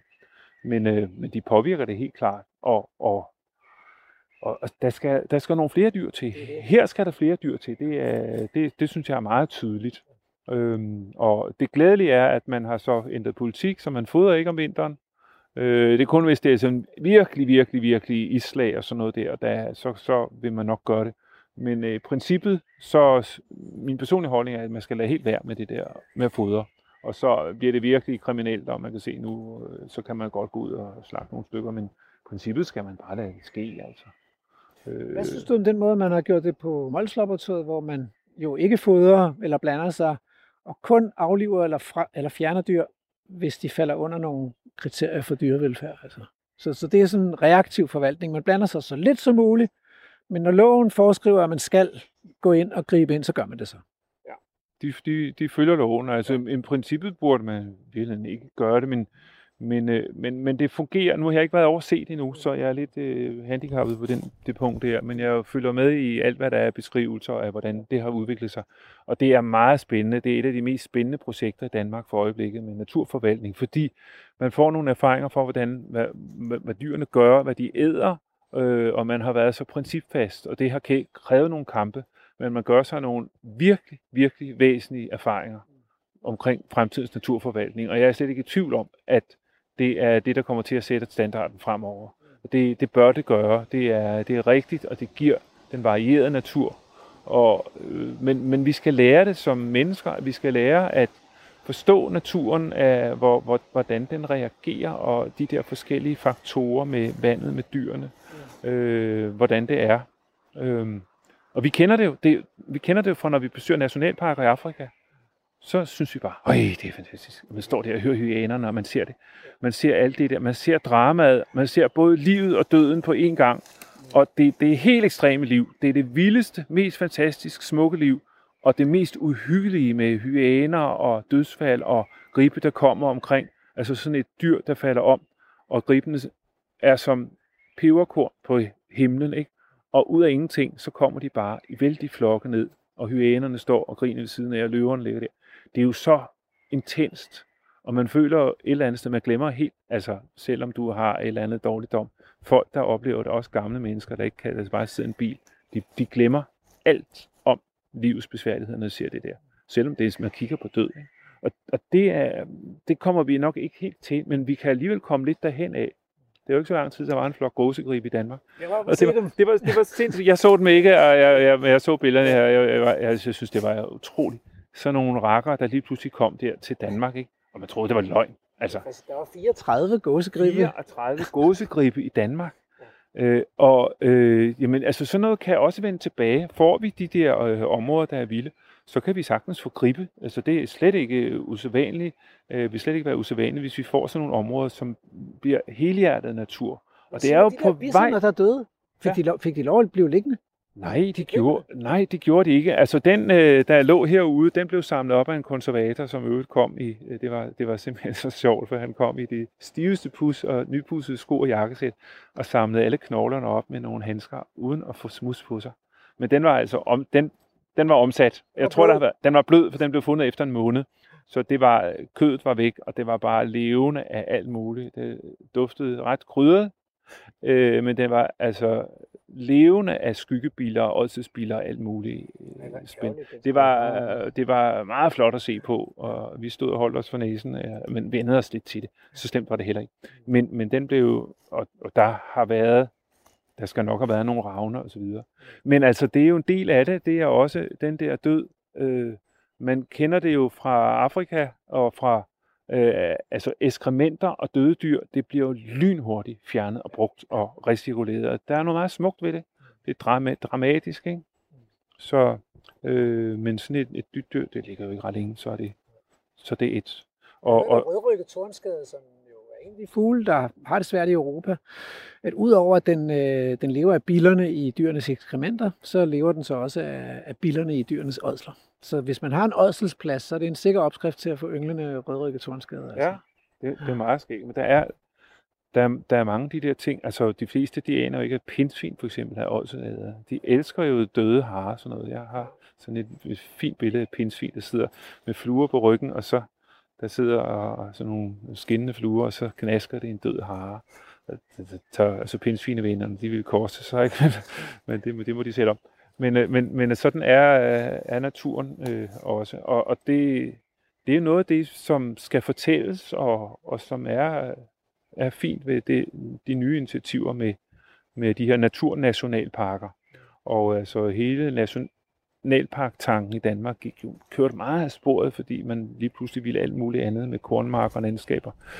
Men, men at sætte naturen fri, det er, det er det rigtige. Og vi kan godt lide det. Vi kan godt lide det i udlandet, og vi skal bare lære, at Danmark kan også rumme det. Og det bliver ikke store om, det bliver ikke store områder, men, det, det, men der er nogle visioner, vi har i, på i Naturfredningsforeningen på Bornholm, hvor jeg også sidder med i bestyrelsen. Der har vi nogle idéer om at, at, at lave noget på Midtbornholm og Nordbornholm. Det, det er jo helt oplagt, og, og det peger i den retning. Altså, alle peger i den retning. Så, så jeg synes, det er en spændende tid, vi lever i, med nogle gode det er, muligheder. Det er her, hvor vi er nu, og, Det er her, hvor og Nordbornholm, det kunne være oppe ved Hammeren. Det er oppe ved? Hammeren, Slotslyngen, og, og der er også, og det får lov til at ligge og passe sig selv. Der er græsning, der er også hegning deroppe. Hele Hammerknuden er hegnet ind, og øh, der, er, der er også nogle, synes jeg, problemer med for hård græsning, med noget vinterfodring og lidt for mange dyr om sommeren. Mm. Men, øh, men det er så en anden yderlighed. Der kan være for mange dyr også. Og det Bare er, det ikke er for. Øh, jamen altså, det er uanset om det er får eller kreatur. Der er også får, og, og, og, og der er øh, et problem med, at, at blomsterne bliver et, og det er især får, der er for mange får om sommeren, og, og så får man ikke det der blomsterflor. Altså planterne overlever, men sommerfuglen er væk for eksempel, og, og blomsterflor er væk, så der, er- der er noget poesien, der ryger der. Så, så, øh, så, så det, altså nogle steder er der for få, de andre steder er for mange dyr, så man skal jo finde den der øh, gode blanding af det hele, ikke? hvor vi er tæt på en urnatur, før vi dominerede jorden som muligt. Ja, så det er det, der er baseline. Det er ikke fordi, det er ikke fordi vi vil konstruere et eller andet bestemt billede, der skal se ud på en bestemt måde, som Nej. vi har bestemt. Det er egentlig fordi, vi som biologer tænker, at øh, når naturen kan finde ud af det, så kan det ikke passe, at vi ikke kan. Altså, skulle vi, Nej. måske, skulle vi måske prøve at, at lade naturen finde ud af, hvor mange dyr der skal være. Det, det er det. det os for meget. det er faktisk øh, der, vi skal hen. Øh, men vi er, altså, det er så indgroet med, at vi styrer, og vi laver pleje, og vi øh, manipulerer, så vi har meget svært ved at holde fingrene væk. Det er, det, det er rigtig svært. Øh, og- men vi, skal, vi er jo planlæggere, altså vi er jo blevet som, som art, som dyreart på jorden dominerende, så vi lægger planer for alt, også der, hvor naturen skal være natur. Det er også under vores planlægning. Og det, øh, det må vi, øh, sådan, sådan er det bare. Men det er der, øh, jeg ser den store kamp, det er, at vi, vi gør det. Og det lykkedes jo rundt omkring på jorden. Det lykkedes at lave store nationalparker. Vi har selv i Danmark, altså hvis vi tager hele Danmark, Grønland med, så har vi verdens største nationalpark, faktisk. Og det er jo flot, og det er... Det Det er også ret billigt, lige den jo billigt, nationalpark. Fordi der bor ingen Nej, mennesker, altså, der bor stort set ingen mennesker. Og, og derfor har vi kunne gøre det. Og, og, men det er flot gjort. Uanset hvad, så har vi Danmark, eller verdens største nationalpark der. Det meste er is. Men der er altså også en hel masse total vild natur, og det er meget betagende, og det er, det er godt, at det er gjort. Skal Og- vi, øh, ja. skal vi bevæge os lidt ud i solen? Altså hvis Ja, jeg må lad os- planlægge? Lad os gøre det.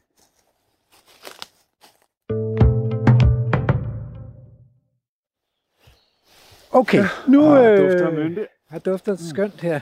Uh. Nu har vi bevæget os øh, øh, lidt ned ad en sidevej øh, fra hvor bisonerne stod før, og vi er kommet ind i sådan, det kan man jo godt kalde en skoveng her, altså en eng omkranset af, af skov, og derfor sådan ligger den sådan lidt i læ fra den der øh, stride kolde vestenvind, vi har i dag.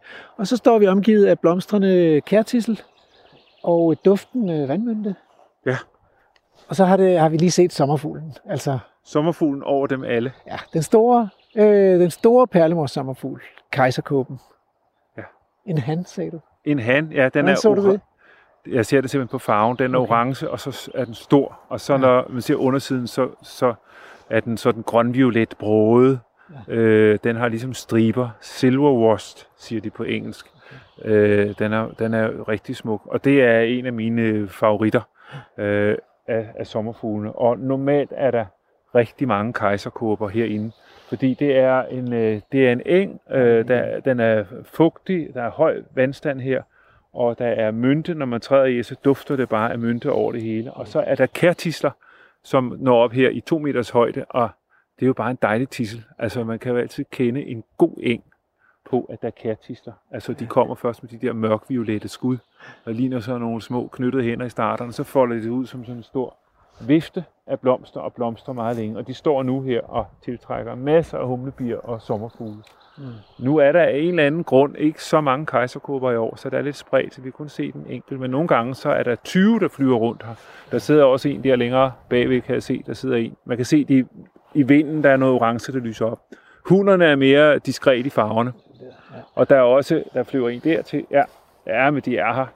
Og så er der også, jeg så lidt før, en, en lille perlemor, den der hedder engperlemor sommerfugl, som lever på mjødeurt, altså hvor de andre lever på, eller som laver på violer. Altså, det gør kejserkåben også, det er violer.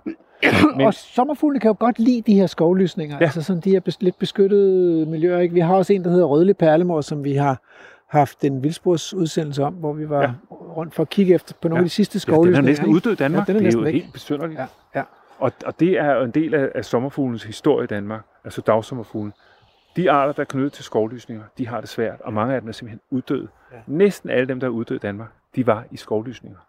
Og de der skovlysninger, jamen de har jo været der i gammel tid, også i urskovstiden. Og der var der altså bæver og alle mulige vilde dyr, der gjorde, at der blev der var også nogle lysninger, ja. hvor der blev et øh, om vinteren og i bund og sådan noget. Og så har der været de der små pletter, ja. hvor det har blomstret, og hvor det er sprunget ud med insekter og af, af sommerfugle og andre insekter i stor stil, pletvis. Og det er i virkeligheden det, man skal tilbage til i en moderne øh, naturforvaltning. At man lader naturen passe sig selv, ikke? med hvor vandet og dyrene råder, og naturen udfolder sig, så kommer det. Men, men det her, det er jo resultat, at man har ryddet skoven engang, øh, det her. Og, men meningen er øh, herinde, inden for Bisonskoven, at det hele skal blive mere vildt. At det skal holdes af dyrene så vidt muligt øh, her. Og øh, det gør det så i dag. Altså, i, altså det her, det er faktisk øh, det er ret tæt vegetation. Øh, så, så og hvad, kunne man, hvad kan man så håbe på? Fordi øh, det en af vores sidste dagsommerfugle, der forsvandt fra skovlysningerne, forsvandt jo her fra Almeningen i... Ja. Du, du så den, mens den endnu fløj Ja, 2004, der havde vi, det var en, en lille hvid sommerfugl, der hedder Eng hvidvinge. Ja. Og det er sådan en spinkel sommerfugl, meget smuk, fin sommerfugl, der flyver i to generationer om foråret, og, eller sen forår, og så i august igen. Og den var som det eneste sted, hvor den har været talrig på en hold. Og den havde øh, det lidt svært på Bornholm, så kom orkanen i 67 og skabte en masse ravage i skoven og lysninger. Og der blomstrede den op i orkanens kølvand. Og i begyndelsen af 70'erne, så var det, og man tror det er løgn i dag, men det var simpelthen den almindeligste sommerfugl. Ja, der sidder kejserkåben lige. Det enormt ja, flot mod det grønne. Helt orange mod det grønne. Nå, men, men, øh, men den her engvidvinge, den blomstrede op, og det var den almindeligste dagsommerfugl i der midt i 70'erne. Der var 100.000 af den. Fløj alle steder, øh, den der lille, spinkle sommerfugl. Kun almelingen og rød plantage var der også lidt. Og så gik det ned ad bakke, da skoven voksede til, man havde plantet og så videre, og så forsvandt lysningerne, og der var drænet, og, og i løbet af 90'erne blev den mere og mere sjælden, og omkring år 2000, der var der kun en lille bitte bestand inde ved noget, der hedder Bastemose, og i 2004, der blev den set sidste gang.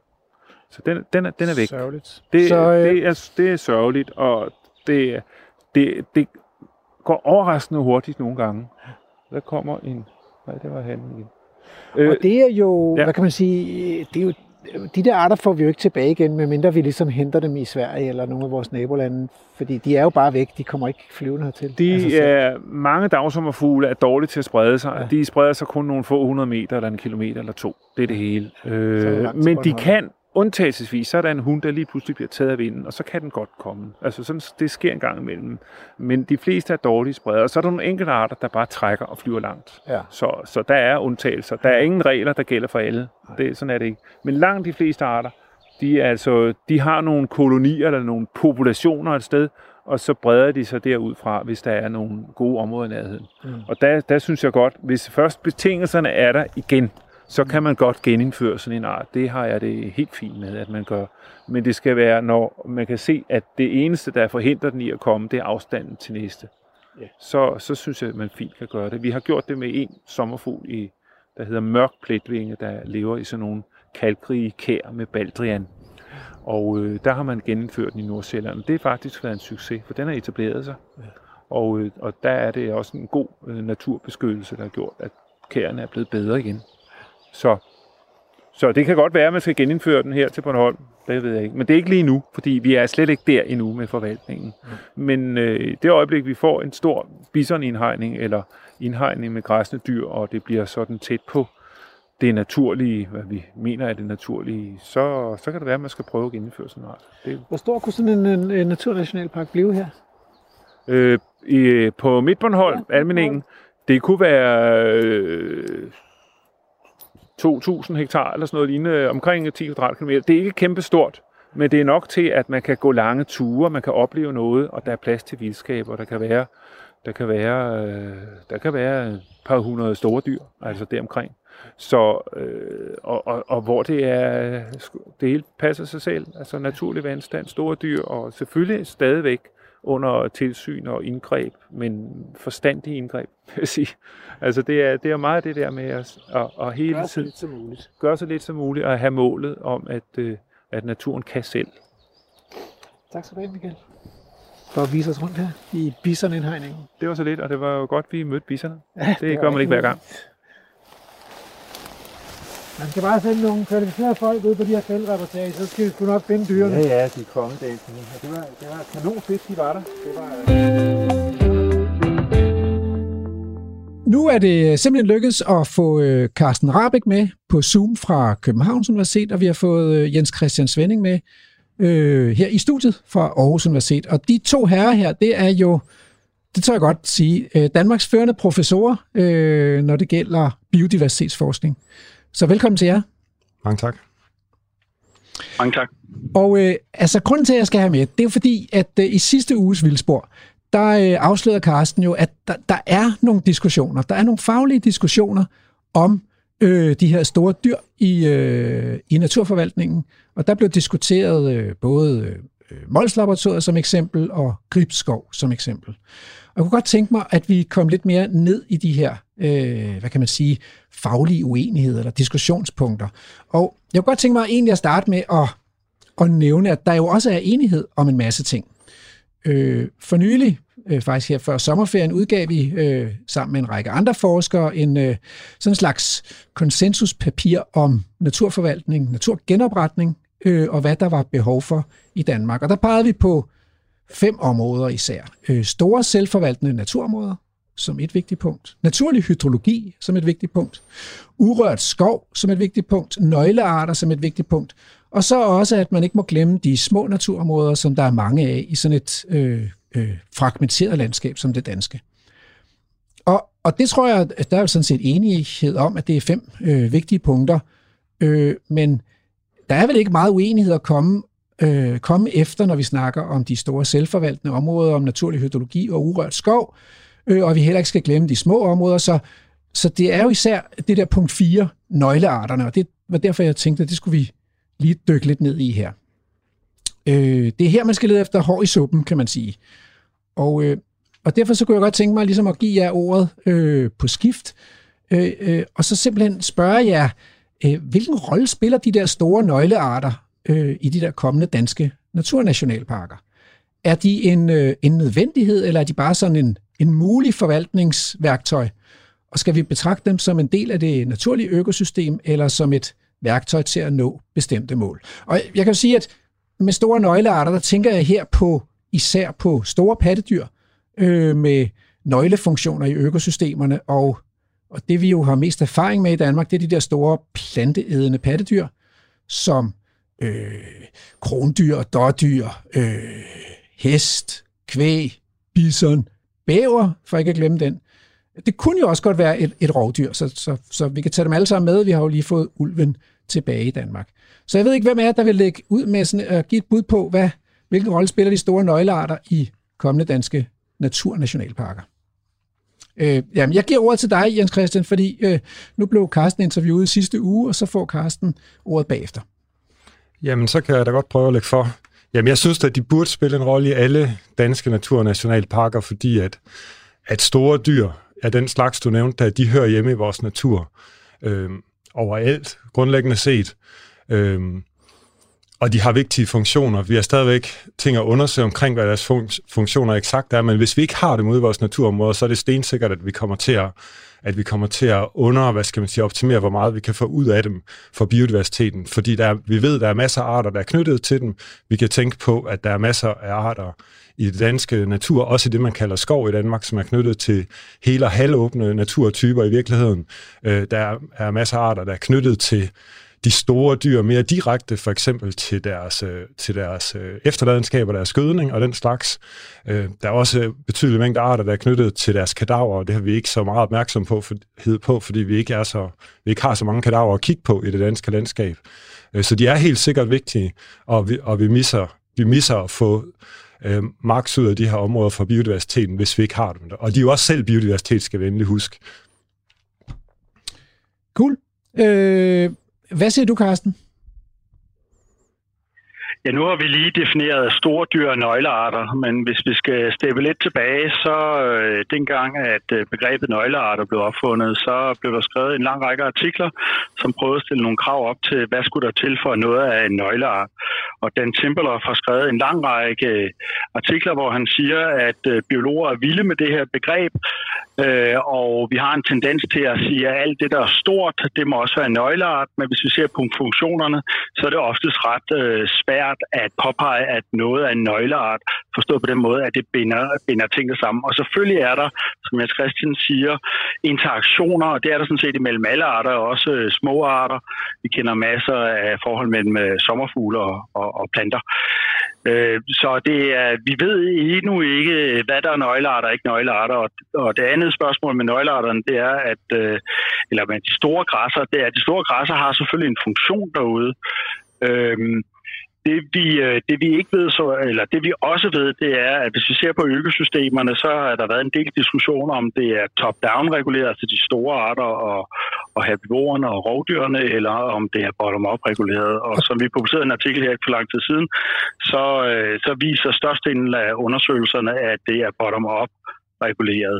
Kan du ikke lige forklare det, det for lytterne, øh, Carsten? Vi skal lige have en forklaring, så bottom-up og top-down, ja, ganske kort. Bottom-up, det er primært, at det er, øh, øh, det er klimaet, det er jordforhold, og det er de mindre arter, der ligesom skaber grundlaget for, for de store arter, som så bliver øh, præditeret af rovdyrene. Og den anden idé, det er, at det er i høj grad øh, de store herbivorer, øh, i en interaktion også nogle gange med, med, med rovdyrene, der ligesom skaber øh, vegetation. Og det er ligesom mm. to synspunkter, som der er, er meget videnskabelig debat om. Mm.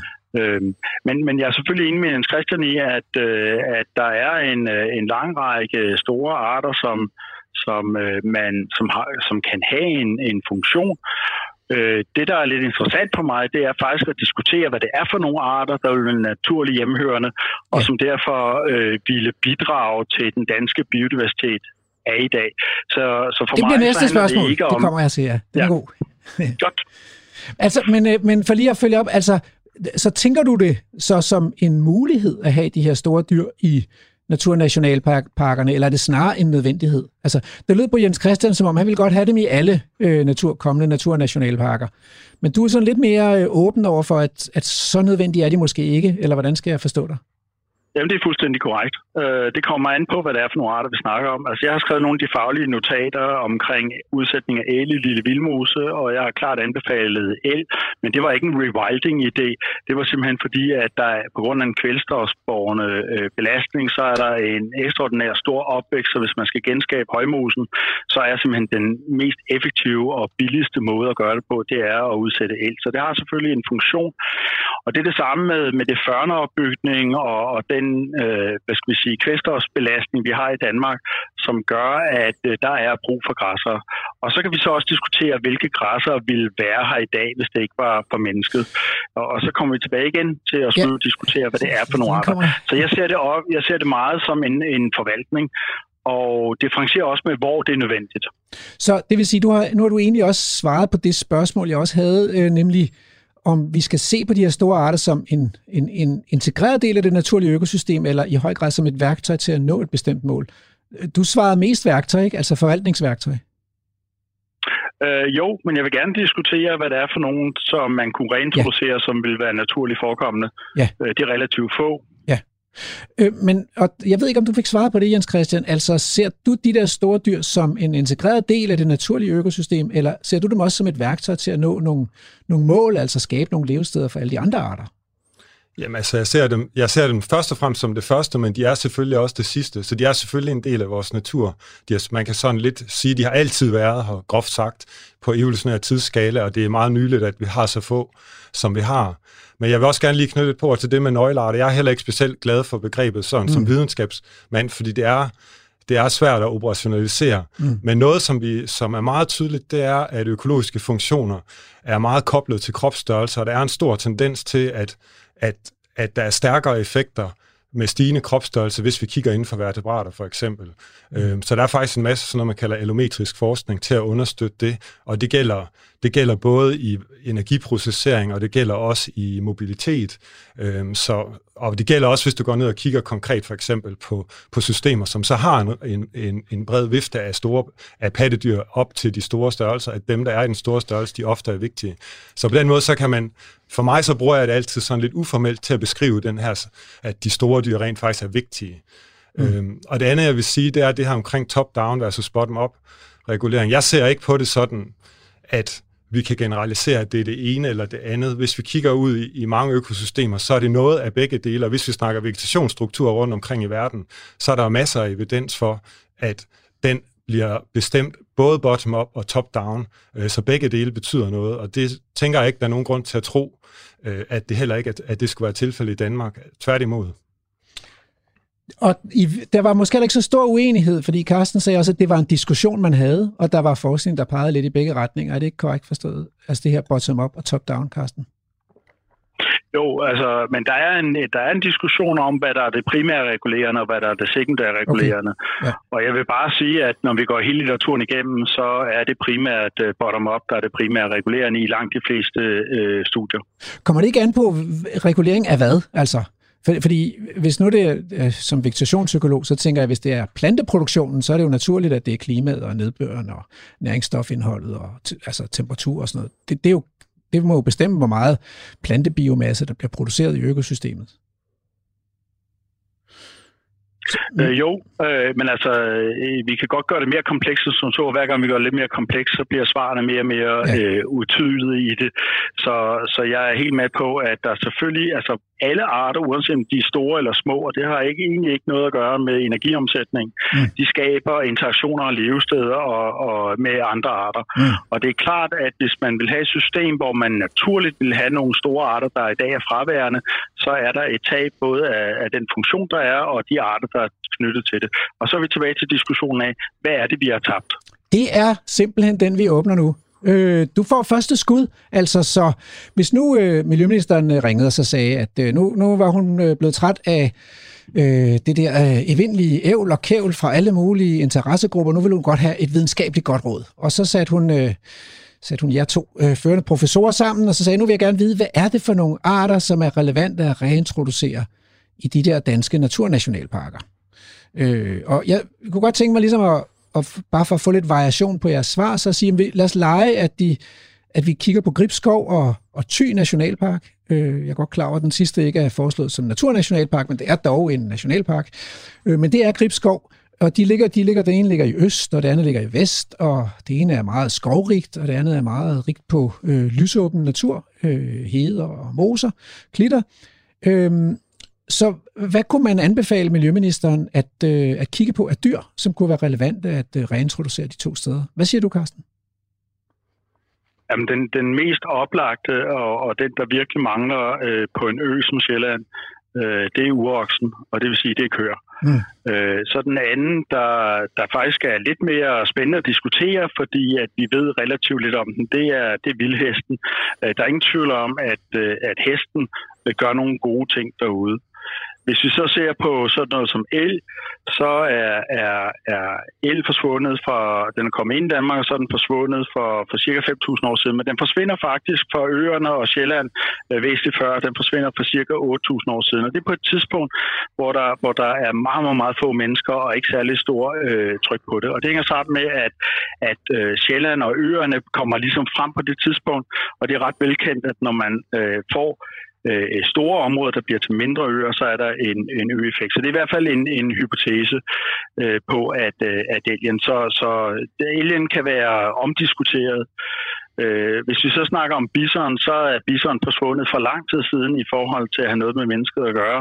Og jeg kan slet ikke forestille mig, at det er naturligt forekommende at have en bisonbestand øh, på, øh, på Sjælland eller Bornholm for den sags skyld, og slet ikke inde i en, i en skov som Grisskov, der hører den ikke hjemme. Cool. Øh, og ulven, den er du med på. Den må godt være. Den er god nok. Jamen, og ulven, den har jo været over det hele, og det har den været, altså, den er jo blevet skudt væk ja. af, af, af mennesker, ikke? Så det, jeg skænder lidt imellem, det er, hvad der vil være naturligt forekommende i, i, i, i Danmark ja. på det tidspunkt, og hvorvidt det er blevet øh, jaget væk, eller dræbt af, af mennesker, eller landskabs... Øh, omlægninger. Og det er, vi får først øh, agerbruget ind cirka for 5.000 år siden, og før da jeg havde en lang snak med Esker Villerslev, som har et kæmpe forskningsprojekt på indvandring af mennesker i Danmark, og som han sagde til mig, der er stort set ikke nogen mennesker i mm. Danmark. Der er masser af effekter øh, nede i Centraleuropa og længere nede, men ikke i Danmark på det tidspunkt, hvor flere af de her arter forsvinder. Så øh, øh, hvad siger du, Jens Christian? Og øh, er du enig med Carsten i, at det faktisk er et relevant spørgsmål at stille, om, øh, om de her ord, øh, dyr ville have forekommet naturligt, hvis ikke der havde været mennesker øh, på de her kanter? Ja, men altså, der er mange ting at sige til det her. Øhm, det, det, det synes jeg, det er, men for mit vedkommende, så synes jeg, det er mere vigtigt at fokusere på en bredere skala end, end lige præcis Sjælland, fordi at, at jeg, ser ikke, øh, jeg ser ikke naturforvaltningen som, at det er vigtigt at lave sådan en form for rekonstruktion af præcis, hvordan det ville have været hvis nu øh, helt præcis, hvad der er sket over de sidste 10.000 år. Vi kan jo ikke gøre det. Der vil være simpelthen så mange ting, vi ikke ved, og vi kommer aldrig til at vide det. Og det er heller ikke vigtigt, fordi det er ikke den skala, vores arter er, er udviklet på. Vores artspulje selv på Sjælland er jo ikke en sjællandsk artspulje. Den er jo en, primært sådan en tempereret centraleuropæisk artspulje, som har flyttet sig frem og tilbage rundt i Europa med klimaet og så videre. Så i forhold til at forvalte den, så, så, så synes jeg, det giver mere mening at tænke på en lidt større skala. Øh, så for mig er det ikke så vigtigt at rekonstruere præcis øh, i forhold til de her store dyr, om de ville helt præcis sikkert have været i Sjæl, på Sjælland øh, i dag, hvis nu en hel masse ting. Og man kan jo godt tage, altså jeg er jo enig i de første arter, Carsten nævnte. Jeg tror også, vi begge to vil være enige om vildsvin, selvom at, at du ikke nævnte det, Carsten. Ja. Øhm, men, øhm, men i forhold til elstyr, der kan man jo, der kan man jo sige, at, at indtil altså det kan sagtens være, at der har været sådan en ø-effekt, men det er svært at forestille sig, at det er det eneste, fordi vi ser jo i dag, hvor der er, er kommet elstyr tilbage i Sydsverige, hvordan de kommer over. Så hvis der var elstyr i nabolaget, så ville de jo komme over, de svømmer jo godt. Øhm, og, så, og mange af de her, og de her store dyr er jo generelt ret mobile, så hvis der var ordentlige bestand af dem andre steder i Europa, så kunne de jo, så, så, kunne, så kunne de jo komme tilbage, selvom at de måske af naturlige eller unaturlige grunde var forsvundet fra Sjælland på et tidspunkt. Øhm, og det, kan, det, kan, det kommer vi aldrig sådan fuldstændig til at kunne belyse i, i min optik, og jeg synes egentlig heller ikke, det er så vigtigt. Øhm, så, så hvis jeg må følge op på spørgsmålet, hvad, hvad vil du øh, gerne rådgive ministeren om, hvis hun skulle lave de her to naturnationalparker? Hvad, hvad er det for nogle dyr, man kunne, man kunne overveje? Hvad, hvad er ligesom øh, need to have, og hvad er nice to have? Ja, altså for det første, så er der jo nogle åbne spørgsmål omkring det. Det, det, det anerkender jeg fuldt ud i forhold til need to have og, og, og nice to have. Øhm, og, og min rådgivning, det vil også komme an på, om jeg, prøver, om jeg tænker rent øh, videnskabeligt, eller jeg, eller jeg tænker politisk. Øh, ministeren hun har besluttet sig for, at det er naturen, der har første ret. Så her, øh, så vi, vi svarer på spørgsmålet ud fra hensynet til biodiversiteten, og ikke til diverse brugergrupper og interessenter i første ja, omgang det, her. Ikke? Jamen, det er så i orden, men det, det er jo svært at glemme, fordi at store dyr, de er tit problematiske og irriterende. Øhm, jo, jo. Øh, men, men, men det er altså, jo vildspor, det her. Jamen, det ved jeg godt. Ja. Men de dyr, som Carsten nævnte, synes jeg jo alle sammen, man kunne have, have ind i billedet til dem, så vi er enige om alle dem, som Carsten sagde god for. Øh, jeg synes, for mig at se, så, så er bison også en oplagt art. Jeg synes, der skulle være, man skulle principielt set kunne forsøge sig med bison i alle de danske naturnationalparker. Bison, vi har haft bison løbende i Europa i over en million år, og det er selvfølgelig øh, nogle ændringer i hvad for nogle arter vi, vi kalder det over den tid, men grundlæggende set er det, er det, er det noget, der minder utrolig meget om hinanden hele vejen igennem. Øhm, og vi har haft bison, alle vores øh, moderne europæiske skovbison, øh, i alle mulige i, i varmere forhold end dem, vi har nu, i koldere forhold end dem, vi har nu. Øh, så sent som for i middelalderen var der stadigvæk europæisk bison helt over til Østfrankrig, øh, til Vogeserne for eksempel. Øh, så, så for, og, og deres udbredelse er oplagt blevet super påvirket af mennesker. Og hvis vi kigger på, om de kunne være her i dag, så er det jo, så er det jo primært et spørgsmål i min optik, om vi vil vi kunne lade dem vandre ind selv, hvis vi ville give dem lov til det i Europa, og vi har lyst til at vente på den tid, det tager. Øhm, og ellers så kan vi hjælpe dem på vej, men, men i min optik, så, så er det noget, man sagtens skulle tænke ind. Vi ved jo også, at de sagtens trives i vores klima nu. Der er jo allerede lidt forsøg med dem, og vi kan også se for eksempel i Holland, at det går fint. Så, så du øh, topper op på Carstens med bison. Er, er der andre dyr, man burde overveje? Jamen, altså, det er jo et godt sted, det er jo et godt sted at starte, altså. Mm. Hvis jeg, man, man kunne, man kunne, jeg kunne godt nævne en, en hel del flere arter, som, fra, som med mine biologiøjne kunne være relevant, eller, eller former, kan vi sige. Og, og selvfølgelig så, hvis jeg skulle gå helt til det, som man næsten ikke tør sige, ikke, så, vil jeg, så vil jeg sige elefant. Fordi vi har haft elefanter i Europa de sidste 18 millioner år, på nær de sidste 10.000 år, mange forskellige arter, eh, under alle mulige klimaforhold. Og vi har haft det, man kalder den europæiske skovelefant i, i godt og vel 800.000 år i Europa frem til for 30.000 år siden, og helt givet under klimaforhold, ligesom dem vi har i Danmark nu. Så vores artsdiversitet har er udviklet sammen med, at der var kæmpe dyr eller elefanter i skoven, og vi ved, at de har kæmpe stor økologisk funktion. Ja. Så det ville være super interessant at eksperimentere med dem, men jeg vil ikke sige, at man skulle starte med at tæppebombe landets uh, naturnationalparker med elefanter, fordi Nej. det er noget, vi ikke har så meget erfaring med, plus at de arter, vi havde, er jo uddøde, så man ville være nødt til at eksperimentere med erstatningselefanter. Cool. Øh, Carsten, du får lige men, et lille ord på elefanterne der, og øh, inden vi lige skal nå at runde hegnen også. Øh. Ja, men, men jeg kunne godt tænke mig at sige, at altså, et af de ting, vi åbenlyst ikke er, er enige om, det er, at de arter, jeg synes, der skal ud, det er de arter, der vil være naturligt forekommende. Og, og bison er bare en art, der kommer ind for 12.000 år siden. Den har været her lang tid, den kommer ind for 12.000 år siden, og den forsvinder ud igen, da landskabet og klimaet forandrer sig i Danmark, og det bliver en central europæisk. Og blot fordi, at arter forekommer i det centrale Europa, er ikke det samme som de naturligt hjemhørende eller vil være her i dag. Og det synes jeg er en afgørende faktor for, hvilke arter vi skulle sætte ud. Og hvis vi ser på bisonen, så, eller øh, på elefanten, øh, så er det en art, som, øh, som var her i mellemistid. Men, men jeg må sige, at jeg er lodret uenig i, at klimaet var det samme. Når vi sidder og kigger, at der, når vi sidder og kigger på de på de øh, paleoklimatiske øh, øh, klima for, for Danmark og Centraleuropa, og sammenlignet med i dag, så var der øh, væsentligt varmere øh, på det tidspunkt, og vi kan også se det, den, øh, den øh, fauna, der var, der var skovelefanter og var skovnæshorn, dårdyr, men der var også noget som flodhest og vandbøffel. Altså det var et anderledes, anderledes klima, så det er bare ikke det samme. Og da klimaet forandrer sig, så bliver skovelefanten presset sydpå ned på den anden side af alberne og, og pionererne øh, primært, og der kommer det ikke tilbage fra, og jeg, heller ikke, jeg vil ikke være uenig med Christian om, at det er mennesket, der udrydder den til sidst. Men jeg kan bare ikke se nogen som helst data eller begrundelser for, at den naturlige hjemhørende i Danmark, og desuden er den uddød. Må jeg følge op på det? Fordi øh, jeg kan huske de der øh, hulemalerier nede fra Chauvet-grotten, ikke, som er 35.000 år siden. Og jeg er ret sikker på, at, at de malede øh, elefanter og næsehorn på øh, øh, altså vores forfædre ikke, for 35.000 år siden. Det var jo under istiden. Så det ser ud til, at elefanter og næsehorn har haft øh, noget af en klimatisk spændvidde i Europa. Jamen det ændrer ikke ved, at uh, ligesom så mange andre arter, så går de sydpå.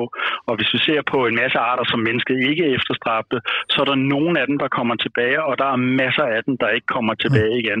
Så den der med at, at sige, at det var det samme klima, der var i mellemistiden, som der er i dag, og derfor så, og det var i Europa, og derfor hører det hele til i Danmark, uh, den, den er jeg ikke enig i. Og for mig er der et naturlighedsdiskussion, for ellers så risikerer vi at gå over i en civilisering ja. og sætte en masse arter ud, der ikke vil være naturligt forekommende i Danmark. Altså, og så mener jeg heller ikke, at de er vigtige for, for, for den økologiske fun- funktionalitet. Godt. Ja, jeg hører jer faktisk være enige om, at det, det der naturlighedsspørgsmål er relevant. Så, så der, det er ikke der, jeg ser forskellen. Øh, I kommer bare til forskellige konklusioner ud fra, om hvad der er naturligt ud fra forskellige antagelser og forskningsresultater. Nu kunne jeg godt tænke mig, at vi lige inden vi slutter her, øh, når at diskutere hegn. Fordi det er jo et øh, omdiskuteret spørgsmål, om vi er nødt til at hegne de her naturnationalparker, for at dyrene kan få fred inde i øh, naturområderne, øh, og ikke skal løbe ud i kulturlandskabet og blive skudt og reguleret. Øh, og, det, og I må svare øh, relativt kort, fordi vi har ikke så meget tid tilbage. Øh, vil du starte på den, øh, Jens Christian? Jamen, det vil jeg da gerne. Jeg vil, jeg vil tillade mig lige allerførst at sige en ting om skovelefanter. Det er, at de skovelefanter, som vi har fundet, for eksempel for Danmark, de var her jo sammen med rødgran og avnbøger og den slags ting, der var super tempereret. Øhm, og, og det klima, som vi har nu, eller vi får om 5-10 år eller 20 år, det er, det er helt sammenlignet. Nogle af de aller sidste fund, vi har af skovelefanter fra Europa, det var fra Holland under sidste istid, i sådan mere eller mindre borealt klima, så de var slet ikke så varmt krævende, som, som det lige kunne lyde.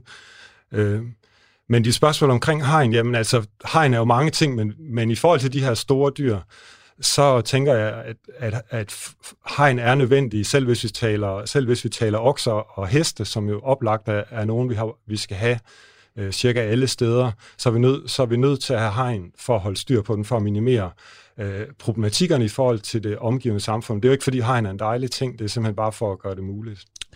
Godt, og hvad siger du, Carsten? Øh, skal vi have et hegn for at kunne have de der øh, okser, og i hvert fald okser, men måske også heste, som, som I taler om, og vildsvin?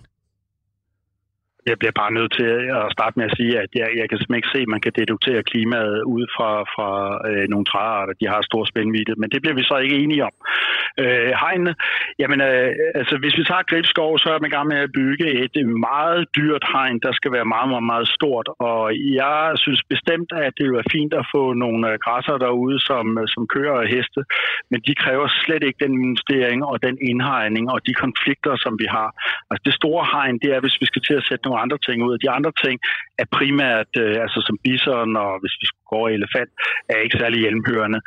Øh, og det, der også er et problem med hegnet, det er, at ja, det minimerer nogle konflikter, men øh, for mig så forsyrer det også vildskaben, der er derude. Øh, og det, det har også den uh, ting, at uh, dyr vandrer på sig i forhold til sæsonvariationer, men de vandrer også på sig i forhold til, at der kan være syv fede år, så kan der komme rigtig skidt år. Og så har vi nogle problemer med, at det naturlige, det at, at uh, tingene flytter på sig, det kan ikke ske. Men det store hegn, der er i Gribskov, som i øjeblikket har til formål at spære i dag levende frit hjorte, altså i dag øh, fritlevende hjorte inde på et lille område for at øge densiteten. Altså det håber jeg uanset hvad, hvad vi mener om mange ting, at vi kan være enige om, at det giver ingen mening. Så vi kan nøjes med væsentligt billigere hegn, og det betyder, at vi også har plads til at få mere urørt skov. Og må jeg stille et opfølgende spørgsmål, fordi formålet med hegnet er vel ikke at øh, sådan, som sådan øge densiteten, det er vel for, formålet er vel at få en naturlig tæthed af de her dyr. Altså fordi fordi øh, øh, der var for et par år siden, eller var det sidste år, øh, en forskergruppe, der jo fandt ud af, at vi stort set har tømt verdens øh, landoverflade fra store vildlevende pattedyr. Så det er jo vilkåret, hvis man, øh, hvis man kigger ud i kulturlandskabet, det er, at øh, tætheden af store landlevende pattedyr er jo ekstremt lav, sammenlignet med, hvad den er i naturlige økosystemer. Så øh, kan du ikke se, at hegnet har en funktion i, øh, til simpelthen at Jamen, altså, sikre... Jeg kan ikke se, at hegnet har en, jeg kan ikke se, at hegn har en funktion ved at indspærre fritlevende hjorte for okay. at øge densiteten. Heller ikke for, at have få naturlige, heller ikke for at få naturlige tætheder? Jamen, vi kan godt diskutere, hvad naturlig tæthed er, men altså, der er jo de tætheder, som livsbetingelserne derude giver, og hvis vi, hvis vi får bedre naturvilkår for, for vores hjortederude, så skal densiteten nok komme af sig selv. Altså, hegnene her, sådan som planen ligger i øjeblikket, går på at, at ligesom jage den derind for at få en højere densitet, og det synes jeg ikke er særlig naturligt. Men Carsten, øh, Carsten, du sagde jo, at, at økosystemerne var bottom-up reguleret. Så, mm. så, så man kan sige, at for at det skal virke, så, så kræver det jo, at man holder op med at skyde hjortene. Ellers er de jo ikke bottom-up reguleret, så er det jo jægerne, der regulerer dem. Og det, og det er det jo i dag. Det, vi har jo talt med mange jæger i programmet her. De skyder dem jo simpelthen for, at der ikke skal være så mange. Ja, og det er klart, at så får vi et, øh, et mindre område, men det, det kan man jo regulere på, at hvis man havde nationalparker eller naturnationalparker, så måtte man ikke øh, skyde hjortene. Yes. Men, men og jeg kan godt og jeg kan godt forstå problemstillingen. Det der med at skulle holde dem inde, det er og bliver bare ikke særlig naturligt for mig. Nej. Øh, og kan du forstå den problemstilling, øh, Jens Christian, at, at der er nogen, der siger, hvordan kan det blive naturligt, når vi sætter et, et hegn, og er det ikke alvorligt, at vi forhindrer dyrene i at øh, og have naturlige vandringer? Jo, det kan jeg sagtens. Jeg synes også, at det er super træls, at vi er nødt til det. Øhm, der er bare nogle konsekvenser, hvis vi ikke gør det. Og igen, altså det, vi snak, altså, det er jo farligt lidt at tale hegn her, fordi hegn er mange ting, men, øh, men grundlæggende set, så må vi bare være opmærksom på, at hvis vi fravælger hegn, så har, det den, så har det den omkostning, at for det første dyr, der er større end hjorte, kan vi så ikke have. Og det, er, det vil så sige, så har vi i hvert fald totalt unaturlige økosystemer, fordi at, at det, vi har ikke set siden, siden før det moderne menneske spredte sig, at økosystemerne de havde, så, havde maks størrelse så, så lille som hjorte, medmindre vi går helt tilbage til før 30-40 millioner år siden. Så det, det er super unaturligt kun at have sådan nogle, nogle små dyr i systemerne, og vi ved, at de større dyr har nogle, nogle særlige effekter. Så dem fravælger vi jo, hvis vi ikke har en eller anden form for hegn. Jeg kan godt se nu, jeg kan godt forstå, øh, sådan, hvad skal man sige, en problematisering omkring, om det er værd at lave nogle kæmpe store hegn, hvis ambitionen inden for hegnene kun er hjorte. Det er ikke særlig optimalt i forhold til, til de store planteædere kun at have hjorte, øh, så, som de store planteædere øh, i forhold til funktionen. Mm. Så det kan jeg godt følge, selvom at der også kan være argumenter for at gøre det. Jeg synes, det er en af de ting, som man godt kunne eksperimentere lidt med at se nogle steder, hvad får vi ud af at gøre det, hvis man absolut kun vil have hjorte derinde. Mm. Men, men alt i alt, så er det en underoptimal løsning at, at vælge kun at have hjorte i de systemer. Hvad siger du, Carsten? Skal vi have de der hegn for i det mindste at kunne holde nogle øh, kvæg og heste, som ser ud til at være det, I kan blive enige om? Kan, kan vi sige det til ministeren, eller hvad? Jamen, jamen så, selvfølgelig skal vi have det Øh, selvfølgelig er hegn nødvendige for det. Ja. Øh, altså, men, men vi skal bare huske hele den problemstilling omkring vildsvinehegnet, hvor, hvor forfærdet mange øh, af dem, der er meget, også er positive over for rewilding, var over, at der kommer hegn op, mm. som jo så forhindrer, at vildsvinet kommer ind. Det gør det så ikke i virkeligheden. Mm. Men det var i hvert fald det, der var sådan øh, historiefortælling. Mm. Og det er klart, at hvis man... Øh, og så kommer vi tilbage til diskussionen om, hvad vil øh, der være naturligt i øh, givet sådan den historiske udvikling og oh. naturligt uden mennesket. Og helt kort. Og så er vi tilbage til, at bison, bison hører ikke hjemme på Sjælland. Mm. Og øh, lad det være det sidste ord i den her debat. Øh, det, var, det, det er ikke det, vi er enige om, men altså, der var en eller anden enighed om, at vi kunne godt anbefale, i hvert fald i Gribskov, at der var et, et hegn, som i det mindste kunne, kunne holde kvæg og heste inde, og så kan hjortene så springe over. Øh, jeg er ikke helt sikker på, om det er en videnskabelig enighed, eller om det er sådan også, og der også er et lille politisk øh, kompromis i det, men det er i hvert fald det, det, jeg hører, at øh, man måske kunne nå frem til at anbefale ministeren. Og så er der så nogle stående diskussioner om, hvor vigtige er de der store dyr, og hører bison og elstyr til, eller ej, og er elefant helt ude i galaksen, eller, øh, og den må vi simpelthen lade ligge til en anden gang. Tak skal I have, fordi I vil være med. Velbekomme. Velbekomme, tak for det. Så lakker øh, programmet i dag øh, mod enden. Øh, vi har diskuteret og vi har været på ekspedition efter de store øh, vilde dyr.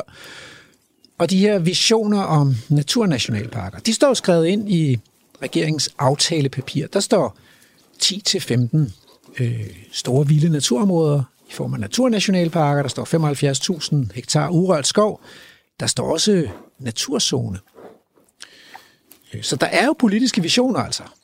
Øh, men når man så ser på det nylig fremlagte finanslovsforslag, så rummer det 50 millioner kroner om året til naturen. Og øh, for det beløb, der kan man frikøbe nøjagtigt en 10.000 del af Danmarks landareal til vild natur, så det er jo nærmest ingenting. Og det er jo faktisk sådan set det, der er, det, der er på spil her, fordi mm, vi har jo fundet noget uenighed i dag blandt forskerne, blandt professorerne, Jens Christian Svending fra Aarhus Universitet og Carsten Rabeck fra Københavns Universitet. Men der er også enighed, der er nemlig enighed om, at øh, naturen mangler plads, og det er den vigtigste årsag til biodiversitetskrisen, at vi mennesker har taget pladsen og brugt den til at tilfredsstille vores behov. Og øh, plads koster penge. Altså, der er altid en offeromkostning ved at afgive noget plads. Fordi så skal man også afgive nogle privilegier. Så kan man ikke gøre det, man plejer. Man kan ikke øh, dyrke jorden og høste kornet og fælde træerne og sætte bisteder ud og hente honningen og så videre. Man bliver simpelthen nødt til at, at give det tilbage til naturen og og hvis man skal det, så er, der, så er der nogen, der skal afgive noget. Så er der nogen, der gerne vil have noget erstatning. Og det er jo der, de 50 millioner kroner bare øh, slår til som en skrædder i helvede, kan man sige. Hvis vi nu alle sammen gav en månedsløn, alle danskere, ikke, så vil man have 100 milliarder. Så kunne man købe 20 procent af Danmarks landareal fri for altid, for alle kommende generationer til vild natur. Vores børn og børnebørn og oldebørn, de vil alle sammen bare have vild natur i rå mængder, og vi vil opleve et land, som blev mere og mere spændende år for år. Nå, men det er ikke det, vi har. Men, men regeringen har alligevel besluttet sig for at starte på processen her. Så de vil starte med to naturnationalparker. Den ene skal ligge i Gribskov, og den anden skal ligge øh, over ved Fusingø.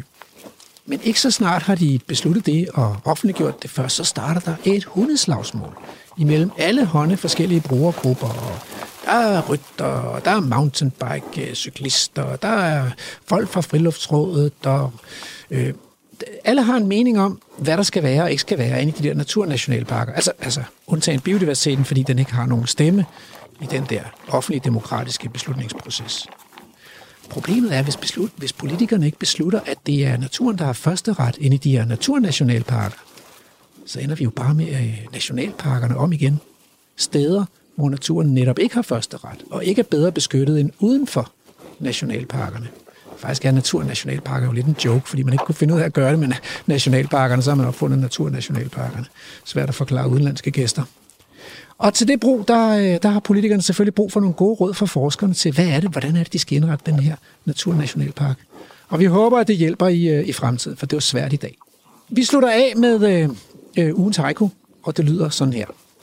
Vildhest, kvæg og ulv. Hund og ko i stram glasur. Krakelerende. Programmet er produceret af Aalborg Universitetet og Aarhus Universitetsforlag for Radio 4.